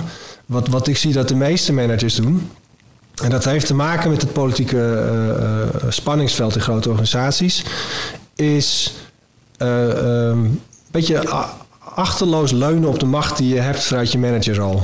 De formele macht. Ja, dus zelfs, zelfs bij Google eh, pakken ze die macht zoveel af als dat kan. Dus, dus eh, dat doen ze bijvoorbeeld doordat je dus niet zelf salaris bepaalt. Ja. Maar salaris volgt uit prestatiebeoordelingen. Ja. Um, beoordeling doet je team. En prestatiebeoordelingen die doen managers als groep. Dus, dus, dus, uh, ja, dus je, hebt, je, hebt, je hebt elke zes maanden, tegenwoordig is het één keer per jaar overigens, maar toen ik er was, elke zes maanden, uh, dat noemen ze calibratiesessies. Dan moet iedereen een performancebeoordeling krijgen. En je krijgt hem van je manager. Maar die manager die moet die prestatiebeoordeling afstemmen met de, een groep peer managers. Ja. Dus je gaat daarin en met, met een voorstel van dit zijn de ratings die ik aan mijn team wil geven. En dit is waarom. En dan moet je een klein stukje over schrijven. En dan ga je dus met z'n allen zitten met HR er ook bij. En dan ga je kijken of je dat wel systematisch goed hebt uh, toegepast. Of, uh, of de anderen het wel eens zijn met die rating. En je kunt dus niet iemand een, een rating geven als je peer managers het niet mee eens zijn. Ja. Oh, en dat klinkt overigens wel mooi dat het is, dus daar kom ik nog wel op. maar, maar, maar, maar dus, dus salaris kun je niet alleen bepalen, uh, ratings kun je niet alleen bepalen, promotie werkt ook hetzelfde, kun je ook niet in je eentje bepalen. Uh, het aannemen van mensen kun je niet in je eentje doen. Dus er is een, altijd minimaal drie mensen moeten interviewen. Waarvan eentje uit een ander deel van de organisatie komt. Die, uh, uh, je wordt aangemoedigd om een divers interviewpanel te maken. Dus mensen die anders kijken dan jij. Ja. dus een bepaalde vaste onderwerpen waar elke persoon moet. en als één van die drie interviewers zegt ik vind het niks. Dan mag je die persoon niet aannemen. Mm. En het idee is dat je iemand aanneemt voor een reis bij Google en niet voor die ene baan. Ja. Nou, dus als je als manager kun je niet zomaar zeggen van nou, jij bent mijn vriendje, dus ik neem jou aan, je krijgt meer promoties, meer salaris. Dat, dat, nou, dat neemt heel veel macht weg. Ja. Tegelijkertijd is het nog steeds zo dat die manager de eindbeslisser is. Die beslist wie er in het interviewpanel zitten. Die is de eindbeslisser tussen alle kandidaten die niet uitgesloten worden. De manager die stelt jou voor met een bepaald verhaal, een bepaalde rating in die groep. Dus die vormt de perceptie over jou. Ja. Weet je wel? dus je hebt nog steeds wel die macht. Het is alleen geminimaliseerd waar het mogelijk is. Ja. Um, en, de, de, en wat je dus ziet is dat, dat het werkt twee kanten op. Het team behandelt jou anders omdat jij de manager bent. Dus er zijn heel veel dingen die ze jou niet meer vertellen zodra je manager wordt. En, ik, vertelde dit aan een groep Google managers op een gegeven moment van herken je dit? En toen zei eentje ja, sinds ik manager ben als ik een grapje maak, weet ik eigenlijk helemaal niet meer zeker of het echt grappig was. De mensen lachen wel, maar, weet je wel. En, en, dus je wordt toch anders behandeld. Ze zijn wat beleefder tegen je. Ze accepteren het als je lang praat zonder dat het echt interessant is. Ja. Weet je wel. En, en, en als manager is dan het omgekeerde gedrag van dat je denkt dat je grappig bent. Weet je, dat je denkt dat je wat interessants vertelt. Uh, dat je gewoon wat te laat mag komen op meetings. Dat je iets belooft en niet naar me hoeft te komen. Dat je een meeting in kunt komen zonder je voor te bereiden. En uh, dat soort dingen. Dat je iets vaker een mail niet hoeft te beantwoorden van je team. Dat soort gedragingen sluipen erin voor heel veel managers. Mhm. Terwijl ze die dingen wel doen voor de persoon die boven ze werkt. Weet je, als, de persoon, als ze een meeting hebben met de baas van de baas, komen ze op tijd, hebben ze geen moeite met aandacht voor die persoon hebben, uh, beantwoorden ze die mail op tijd, ze hebben de, alle previews gelezen, weet je wel. Dus er zit een soort. Uh, en dat heeft te maken ook dat managers vaak manager worden, omdat dat de manier is om je eigen carrière omhoog te krijgen. Dus dan gaan ze meer aandacht besteden aan de bovenmanager dan naar beneden hebben ze ook het gevoel dat ze geen tijd hebben om een hele dag met iemand een uh, boswandeling te maken. Om een, elke week een heel uur met et cetera. En dus dan maak je die ruimte en die tijd en die aandacht niet voor je team. Zie je de mensen dus niet volledig manage ze niet op de manier die bij alle individuen past. Ja. Uh, uh, en dan sluipt er dus iets in waarin je een soort survival of the fittest daaronder krijgt. Dat iedereen die slim naar boven managt, die slim chats plant, uh, die komt er goed uit. En iedereen die hoofd naar beneden werken doet, of wat introverter is of wat minder assertief, die komt er minder goed uit. Ja. En hoe groot kan een team zijn om zo'n heel persoonlijke managementstijl uh, te kunnen voeren. Nou, dat is wel een, een belangrijk uh, punt. Dus ik heb het ook in mijn boek echt letterlijk uh, over geschreven. Van, in mijn beleving is, dan heb je het over direct reports. Heb je dan, hè? Dus, dus, dus, direct reports zijn de mensen die direct onder je zitten. Ja. En dat kunnen managers zijn die ook weer mensen onder zich hebben. Ja. Dus, dus dat is goed een manager van managers zijn. Precies. Dus in mijn geval was het zo dat ik... het varieert een beetje. Ik heb, ik heb in totaal van 6 tot 12 direct reports gehad. Ja. En bij negen merk je dat het moeilijker wordt om, om dus echt met iedereen een uur in te plannen. Eh, dan moet je al gaan nadenken, oké, hoe ga ik het anders doen? Ja. Eh, wat, wat ik dan bijvoorbeeld deed, in, je, hebt, je hebt soms van die tussentransitievormen, dan heb je eigenlijk te veel direct reports. Mm Maar je kunt het je nog niet veroorloven om een manager onder jou te zetten die dan weer voldoende mensen daar weer onder heeft. Ja. Dus tijdelijk heb je dat te veel. Um, wat ik dan vaak deed, is met een aantal kritieke mensen wel één keer per week, een andere om de week. Maar dan bijvoorbeeld dat ik weer aansloot bij projectgroepen. Hmm. Waardoor ik een aantal mensen dan in, in de andere week als groepjes pak. En dan inhoudelijk, dus dan ga je de, om de week inhoudelijk met ze meedenken. Ja. En om de week één op één persoonlijk met ze meedenken. Ja. Dus dan heb je een soort vormen waarin je toch nog iedereen gelijk kans geeft om te zien. Ja. Um, maar dat gebeurt dus meestal, dat, daar, daar gaat het eigenlijk al vaak mis. Dus, dus, dus die manager leunt een beetje casual hè, op, op, op de macht. Ja. Uh, maakt niet al die tijd. Hij heeft ook het gevoel dat ze daar niet tijd voor hebben, want uh, wil ook uh, graag naar boven managen. Ja.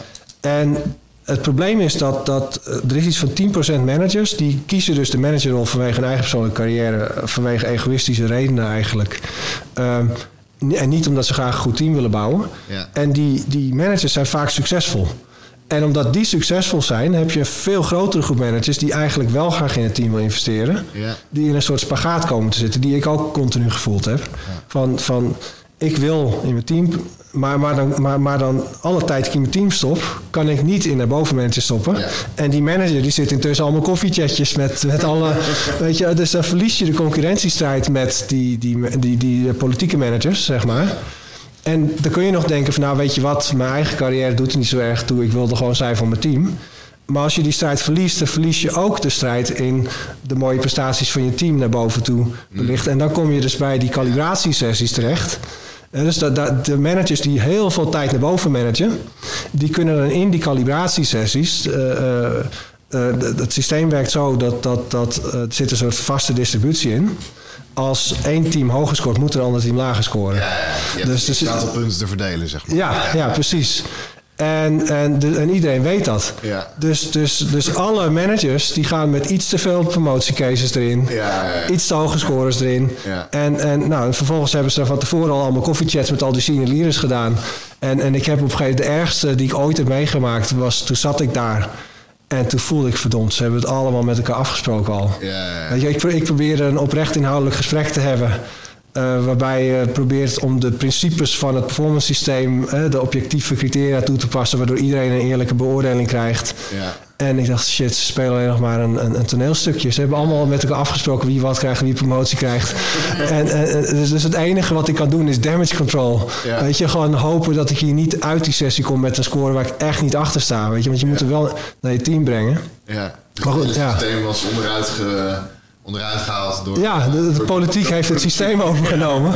En, maar wat er dan dus gebeurt, is dat, dat kan ik nog, als individual contributor kon ik nog denken van ja, weet je, dan krijg ik maar een score waar ik niet blij mee ben. Weet je, als ik maar gewoon doe wat goed is voor de klant. Ja. En waar als ik doe waar ik achter sta. Maar als ik dat als manager dacht, dan was het zo dat ik met scores naar mijn team moest gaan. Die, waar ik niet achter stond, die niet eerlijk waren. Dat betekent dat die mensen minder betaald krijgen, minder promotiekansen. Nou, dat gaat tegen alle principes van uh, eerlijkheid, diversity inclusion in. Weet je, waar, waar, dus ik kon gewoon me niet veroorloven om in die sessie met een oneerlijke rating naar buiten te komen. Dat, dat, dat, ja, dat ging gewoon echt niet. Dus ik moest daarmee ook dat politieke spel.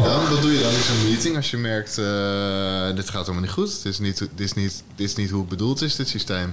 Nou ja, wat ik, ik denk daar een beetje dat dat ook vandaan komt. Uh, dus dat, dat, dat, uh, ik heb ooit, uh, ben ik vlak nadat ik wegging bij Google, ben ik door iemand benaderd. En die deed een documentaire over mensen die onkreukbaar zijn op de Zuid, Zuidas. Ja. En toen bleek dus dat een oud collega die nu bij de politie werkt, die had gezegd van, ik weet wel iemand die onkreukbaar is op de Zuidas, Joris. Ja. En, en en dat, heeft dus, dat, dat is ooit ontstaan, eigenlijk nog uit een tijd dat ik nog individual contributor was. Toen, ook als individual contributor heb je te maken van Google heeft gewoon sales targets. Je moet zoveel YouTube, zoveel search verkopen. Weet je wel? En, maar, maar een klant wil gewoon dat je ze helpt. Ja. En, en als je ze goed helpt, dan gaan ze uiteindelijk ook wel meer kopen, maar dat komt pas later. En, maar als je je kwartaaltarget haalt, krijg je een vette bonus. Mhm.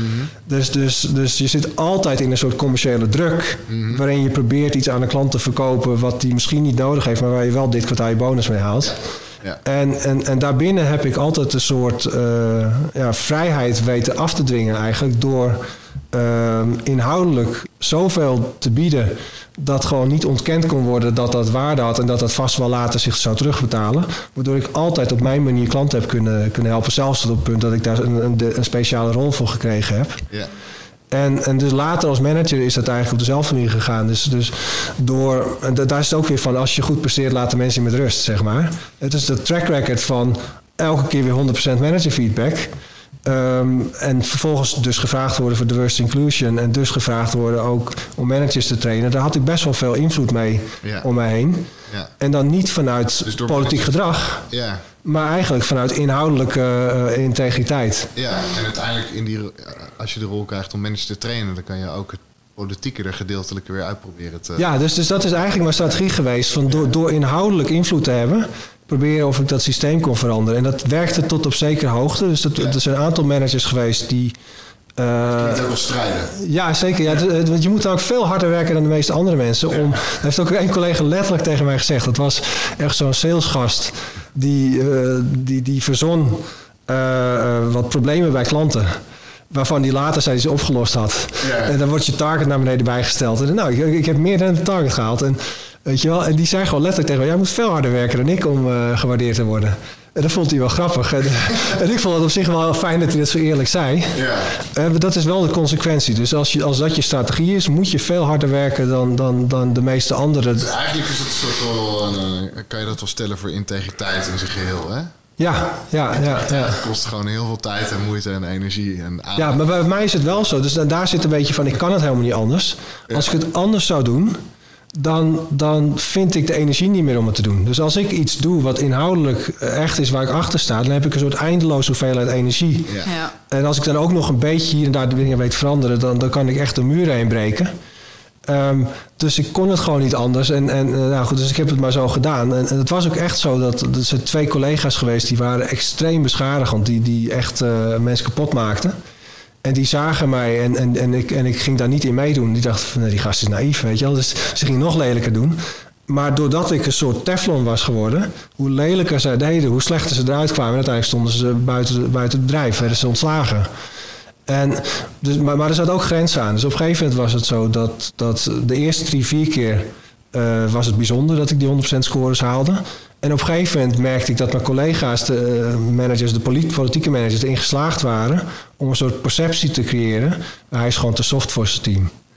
En uh, terwijl dat niet kan. Het is, er, zit in die uh, tien gedragingen van Google uh, Managers zit heel veel spanningsvelden. Dus daar zit in van je moet mensen zien en ruimte geven, maar je moet ook een goede beslisser zijn. Je moet wel eerlijke prestatiebeoordelingen. En, en, en sowieso die prestatiebeoordelingen, er zit een vaste curve in. Dus je kunt niet mensen hogere scores geven dan iemand anders.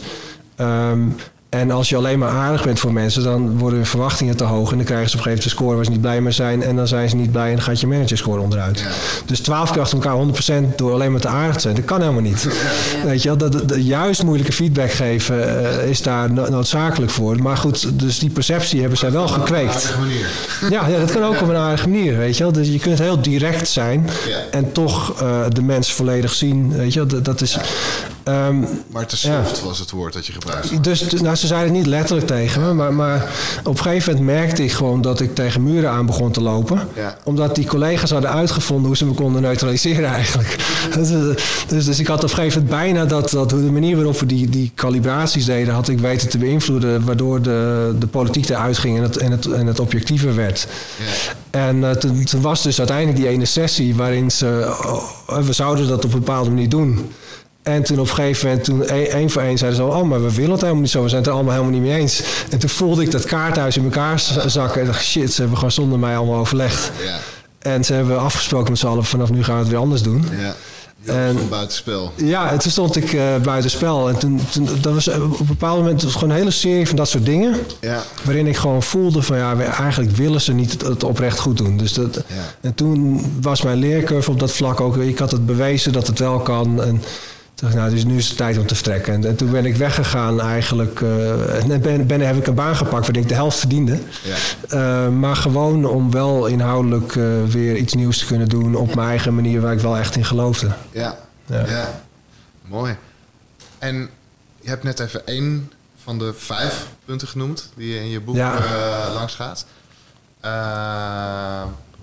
kijk even naar de tijd. We moeten klein beetje eh, beknopt gaan houden, denk ik. Ehm, wat zijn de andere vier punten? Je weet dat, wij zelf bepalen hoe lang Ja, dat kan ook. ja, ja. Ik, ben, benieuwd naar wat zijn, wat zijn nou... Ik denk dat het interessant is voor, voor luisteraars ook. Wat zijn die andere vier punten? Uh, maar ook gewoon van... Wat is nu jouw... Misschien wel wat is nu jouw drijfveer? Uh, hoe ja, wat moet er uit de schulp komen voor, uh, voor Management Nederland? Ja, ja, ja. Nou, je, hebt, je hebt zeg maar, mijn, mijn drijfveer is, is ik vind, ik vind de huidige manier op twee manieren frustrerend. Dus, uh, Het ene is dat, dat in het meest gunstige geval komen een heleboel soorten mensen niet optimaal tot hun recht. En in het minst gunstige geval worden gewoon mensen zwaar beschadigd. Zeg maar. En, en, uh, maar wat ik er ook frustrerend aan vind, is dat als je bedenkt hoe dat. Uh, de, de, de helft van de organisatie staat gewoon uit. Want die voelen gewoon van nou, er is geen ruimte voor mij. Uh, dus je hebt, hebt uh, onderzoek van eh, Gallup, dat doen ze elk jaar. Ja. Waar het blijkt dat ongeveer, uh, dat verschilt een beetje per regio, maar meer dan 70% van de mensen in Europa zijn quiet quitters. Zeg maar. Dus die weliswaar niet weggaan. Dus weggaan bij een bedrijf, de nummer één reden waarom mensen dat doen is vanwege de manager. Ja. Maar veel erger is dat meer dan 70% zegt van nou, ik ga niet weg, maar ik, maar ik ga wel minder mijn best doen. Ja, gewoon niet geëngageerd. Ja, dus de realiteit is dat je met z'n allen helemaal niet effectief bent. Dus dat vind ik ook irritant. Dus ik vind het irritant dat we niet effectief zijn. Ik vind het irritant dat mensen beschadigd worden. Wat maakt het irritant voor jou, dat, dat niet effectief zijn? Ja, gewoon dat je veel mooie dingen kan doen, weet je wel. En wat je gewoon krijgt is organisaties die zich opportunistisch gedragen. Dus, dus dat, hè, dat ze... Effectief zijn is ook voor de mensen natuurlijk die werkt in een organisatie belangrijk. Want dan kan je ergens naar kijken en zeggen... Hey, dit hebben we met elkaar voor elkaar gekregen. Ja, precies. Ja. iets van, uh, dat je iets van betekenisheid voelt. En, nou ja, en sowieso ja. is niks ergers dan disempowered people. Gewoon. En dat, zeg maar, dat, uh, dat het creëert een cultuur waarin mensen uh, los van weet je wel, hun passie verliezen... hun motivatie verliezen en dus ook hun kracht verliezen. En daarom dus niet meer komen opdagen. Of zeg maar alleen nog maar met een half half uh, ja. komen opdagen. Is geëngageerd. Ja, als je het op de politiek zou betrekken bijvoorbeeld, weet je wel. Van makkelijk scoren is dingetjes die je helpen de volgende verkiezingen te winnen. Moeilijk scoren is echt iets veranderen in de wereld. Ja. Weet je wel, nou, als, je, als je dus, dus disengaged mensen creëert door de manier waarop je leiding geeft, et cetera. Dan krijg je dus politici die gewoon quick wins doen en, en tactische dingen zeggen zodat ze de verkiezingen winnen. En als je echt engaged politici hebt, dan gaan ze proberen de wereld te veranderen. Ja. Weet je datzelfde uh, verschil tussen... Um, een groen stickertje op iets plakken en dan zeggen het is goed voor het milieu. Ja. Of iets daadwerkelijk vanuit de, van de grond af aan veranderen tot een systeem wat daadwerkelijk goed werkt voor ja, het milieu. Ja, en dat is altijd moeilijker, duurt langer. Want de een, de een vergt gewoon dat al, alles aanstaat, iedereen meedoet, iedereen aan boord is en dat iedereen zijn best doet. En dat zijn helaas vaak dingen die niet aangemoedigd worden in, in onze overcultuur ook. Uh, niet alleen natuurlijk in bedrijfscultuur, maar gewoon in het algemeen. Dat, dat, als er één ding is wat we allemaal aangemoedigd worden om te doen, dan is het consumeren en niet ja, creëren. En dat wil ik bereiken. Dus ik wil bereiken dat je een organisatie hebt waar alle mensen aanstaan. Waar ze de ruimte hebben om de juiste dingen te doen. En niet de tactische dingen waarmee je even snel scoort zodat je je volgende promotie haalt. Waardoor bedrijven en organisaties ook de juiste dingen doen. In plaats van alleen maar opportunistisch gedrag vertonen om, om, om korte termijn winst en aandeelhouderswaarde te creëren. Ja. Ehm, en, maar dat bereik je, dat kun je alleen maar via de formele manager en, en, en leiders bereiken. Want die bepalen wie er een promotie krijgt, wie er meer salaris krijgt, et cetera. Dus, dus, dus als de, de mensen met de goede wil als de manager-leiders niet de juiste balans belonen, dan krijg je gewoon een red race. Ja. Waarbinnen de mensen die opportunistisch zijn net iets vaker winnen ten opzichte van de anderen. Ja. Dus nou, en, en, dat kun je gewoon veranderen als je dus met meer aandacht managt. Alsof je, manage, als je managt, alsof je de macht die je wel hebt niet zou hebben. Dus dat is, dat is het idee. En die Brilliant Basics. Dat is dus die eerste is eerlijk uh, oprecht gesprek over carrière persoonlijke groei. Dus echt die tijd, die, die, die boswandeling. En het hoeft helemaal niet altijd in het bos te zijn, maar gewoon en voldoende tijd, eventjes niet op kantoor. En met oprechte aandacht die persoon luisteren, zien, et cetera. Dan neem je wat je weet over die persoon. Dat breng je bij de tweede brilliant bezig. Het gaat over in samenspraak doelen en verwachtingen uh, uh, duidelijk maken. Dus dat gaat over jaardoelen doorvertalen naar kwartaalresultaten. Maar ook van organisatie naar team naar individu. Waardoor iedereen snapt van dit is wat van mij verwacht wordt eh, als, als ik een bijdrage wil leveren aan wat het team nodig heeft, wat de organisatie nodig heeft. Ja, en dus zowel op het metaniveau, de, de doelen en de verwachtingen van de organisatie, naar de afdeling, naar het team, ja, ja. het individu. Ja, en dan neem je ook in mee wat je weet over die persoon. Dus je probeert ze op projecten te zetten die ze helpen groeien, waar ze energie van krijgen, waar ze succesvol mee kunnen zijn. Ja, waar ze dus ook resultaat gaan creëren. Want dat is het ja, ja. En daar zit dus al diversity inclusion. Van iedereen gelijk kans om gezien te worden. Ja. Iedereen gelijke kans om op projecten te zitten die passen bij waar je energie van krijgt, waar je goed in bent. Uh, iedereen gelijk kans op. En, dan heb je de, dat is de derde. Heb je uh, meaningful meetings en teamnorms gaat het over. Dus het gaat over dat je de juiste mensen in de juiste meetings, niet te veel, niet te weinig, in die meetings zorgen dat uh, alle mensen gehoord worden. Uh, en ook teamnormen, waarbij alle mensen tot hun recht komen, gehoord worden, et cetera, en respectvol met elkaar omgaan. En dat moet je heel bewust afspreken en cultiveren. Uh, dus dat is de derde. Daar is veel van uh, impliciet ook vaak. Kom ik veel in teams tegen. Er zijn veel impliciet. Ja, wordt zelden expliciet afgesproken.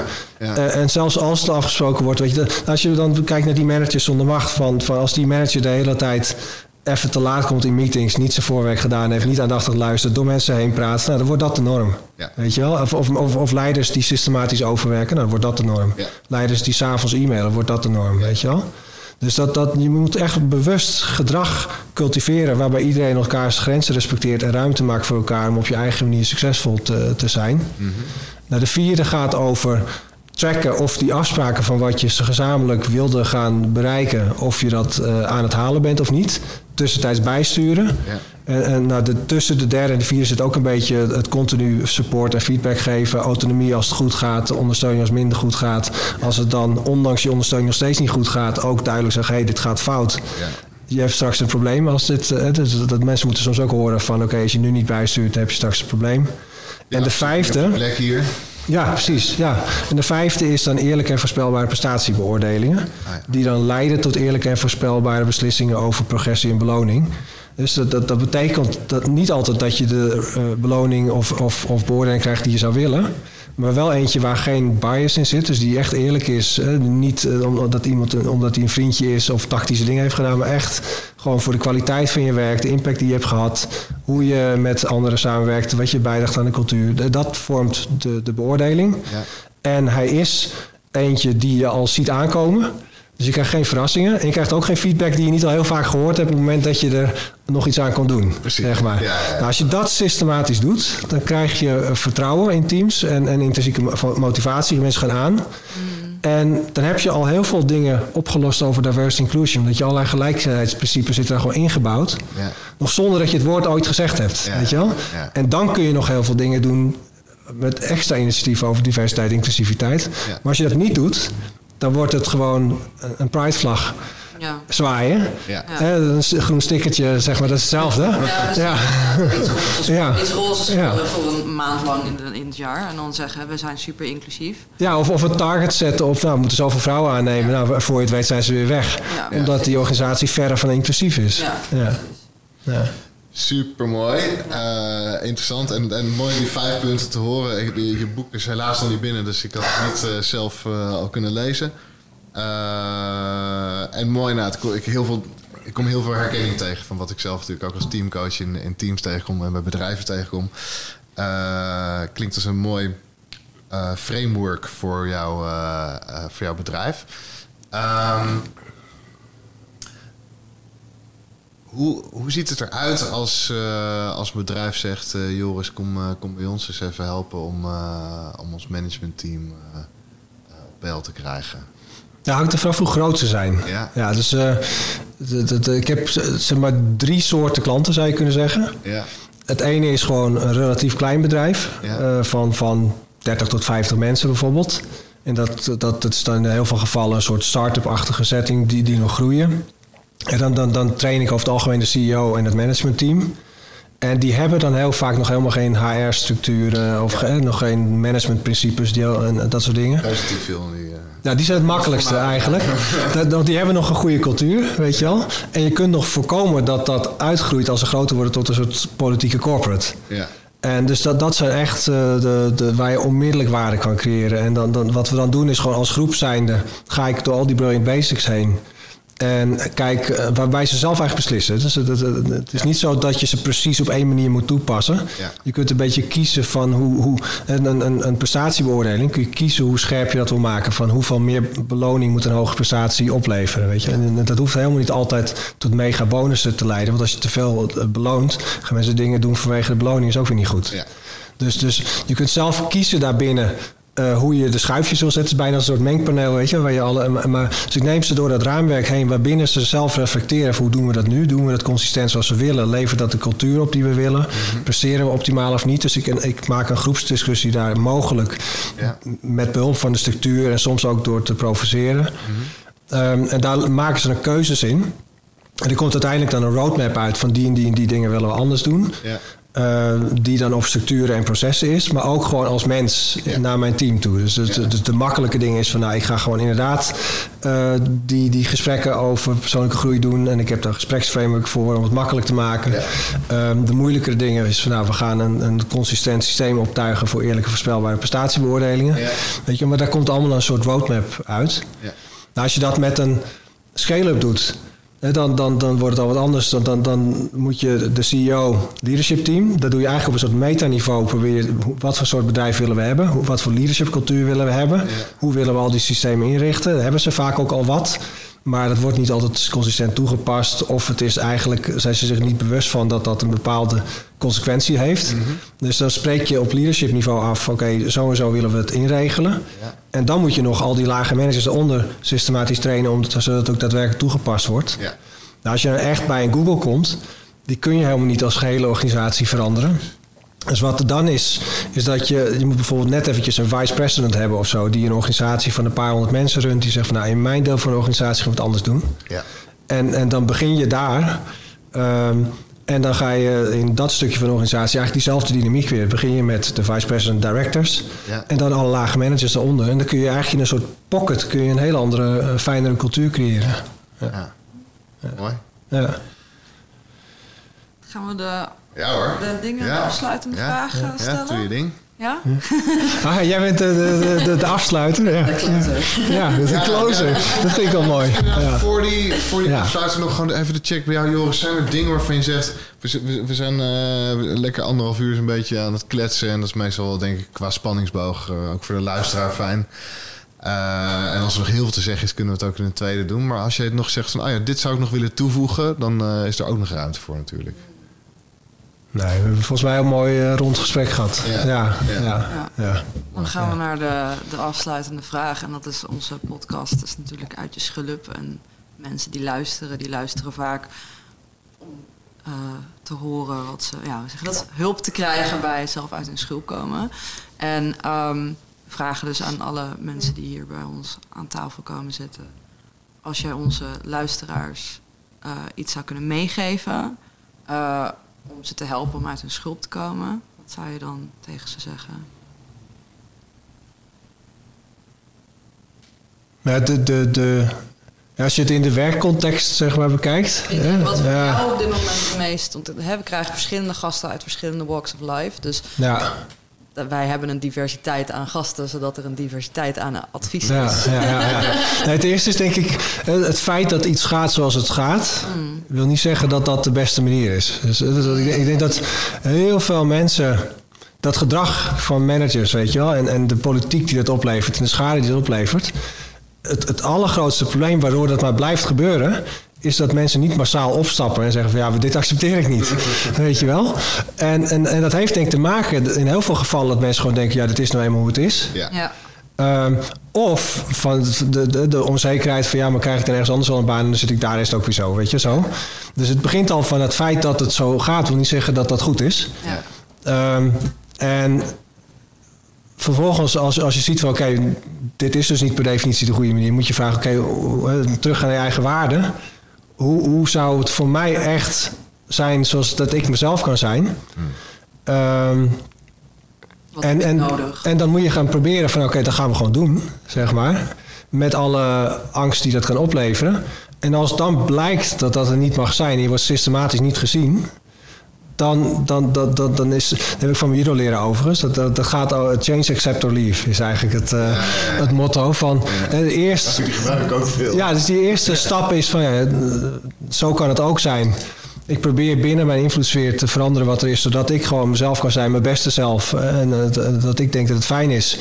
En als dat dan systematisch niet kan, kun je nog nadenken: oké, okay, is dat echt een dealbreaker? Of mhm. kan ik hiermee leven? Ja. Zodat daar zit accept eigenlijk. Ja. Van het is nergens perfect. Weet je, sommige dingen moet je gewoon wel accepteren. Maar als het wel echt een dealbreaker is, dan moet je gewoon bereid zijn om weg te gaan. Als je iets accepteert wat, wat eigenlijk wel een dealbreaker is, dan ga je uit. En dan word je ongelukkig. En dan noem we op. Dat is eigenlijk de, de missed opportunities, dat is nog het allerergste. Dat je had ook ergens anders kunnen zitten. Waar je wel jezelf kan zijn, waar je wel tot je recht komt. En die, die kans die, die raak je dan kwijt. Ja. En wat je zegt impliceert ook dat mensen de moeite doen moeten doen om uh, echt te voelen bij zichzelf: wat zijn mijn waarden? Ja. Wie ben ik als mens en, en, en, wat is inderdaad voor mij een dealbreaker? Ja. Dus waar wil ik, aan, waar wil ik me gewoon kost wat kost aan vasthouden? Ja. Super mooi, Joris. Onwijs bedankt voor, uh, voor dit uh, ja, brede en diepgaande gesprek. Echt heel mooi om je zo te leren kennen, eigenlijk nu na al die jaren. Ja, jullie ook. Ja, superleuk. Ja. ja. Ehm, uh, beste schulpdieren, uh, bedankt voor jullie aandacht. Ehm, laat ons weten wat je van deze aflevering vond. Uh, laat ons weten als je nog opmerkingen, vragen, feedback hebt. Weet je iemand die superveel gaat hebben aan deze aflevering? Stuur hem dan door. Stuur hem door. En ehm, we zien elkaar en horen elkaar op een volgende. Ja, dankjewel Joris en Joris. Dank jullie wel. Ja.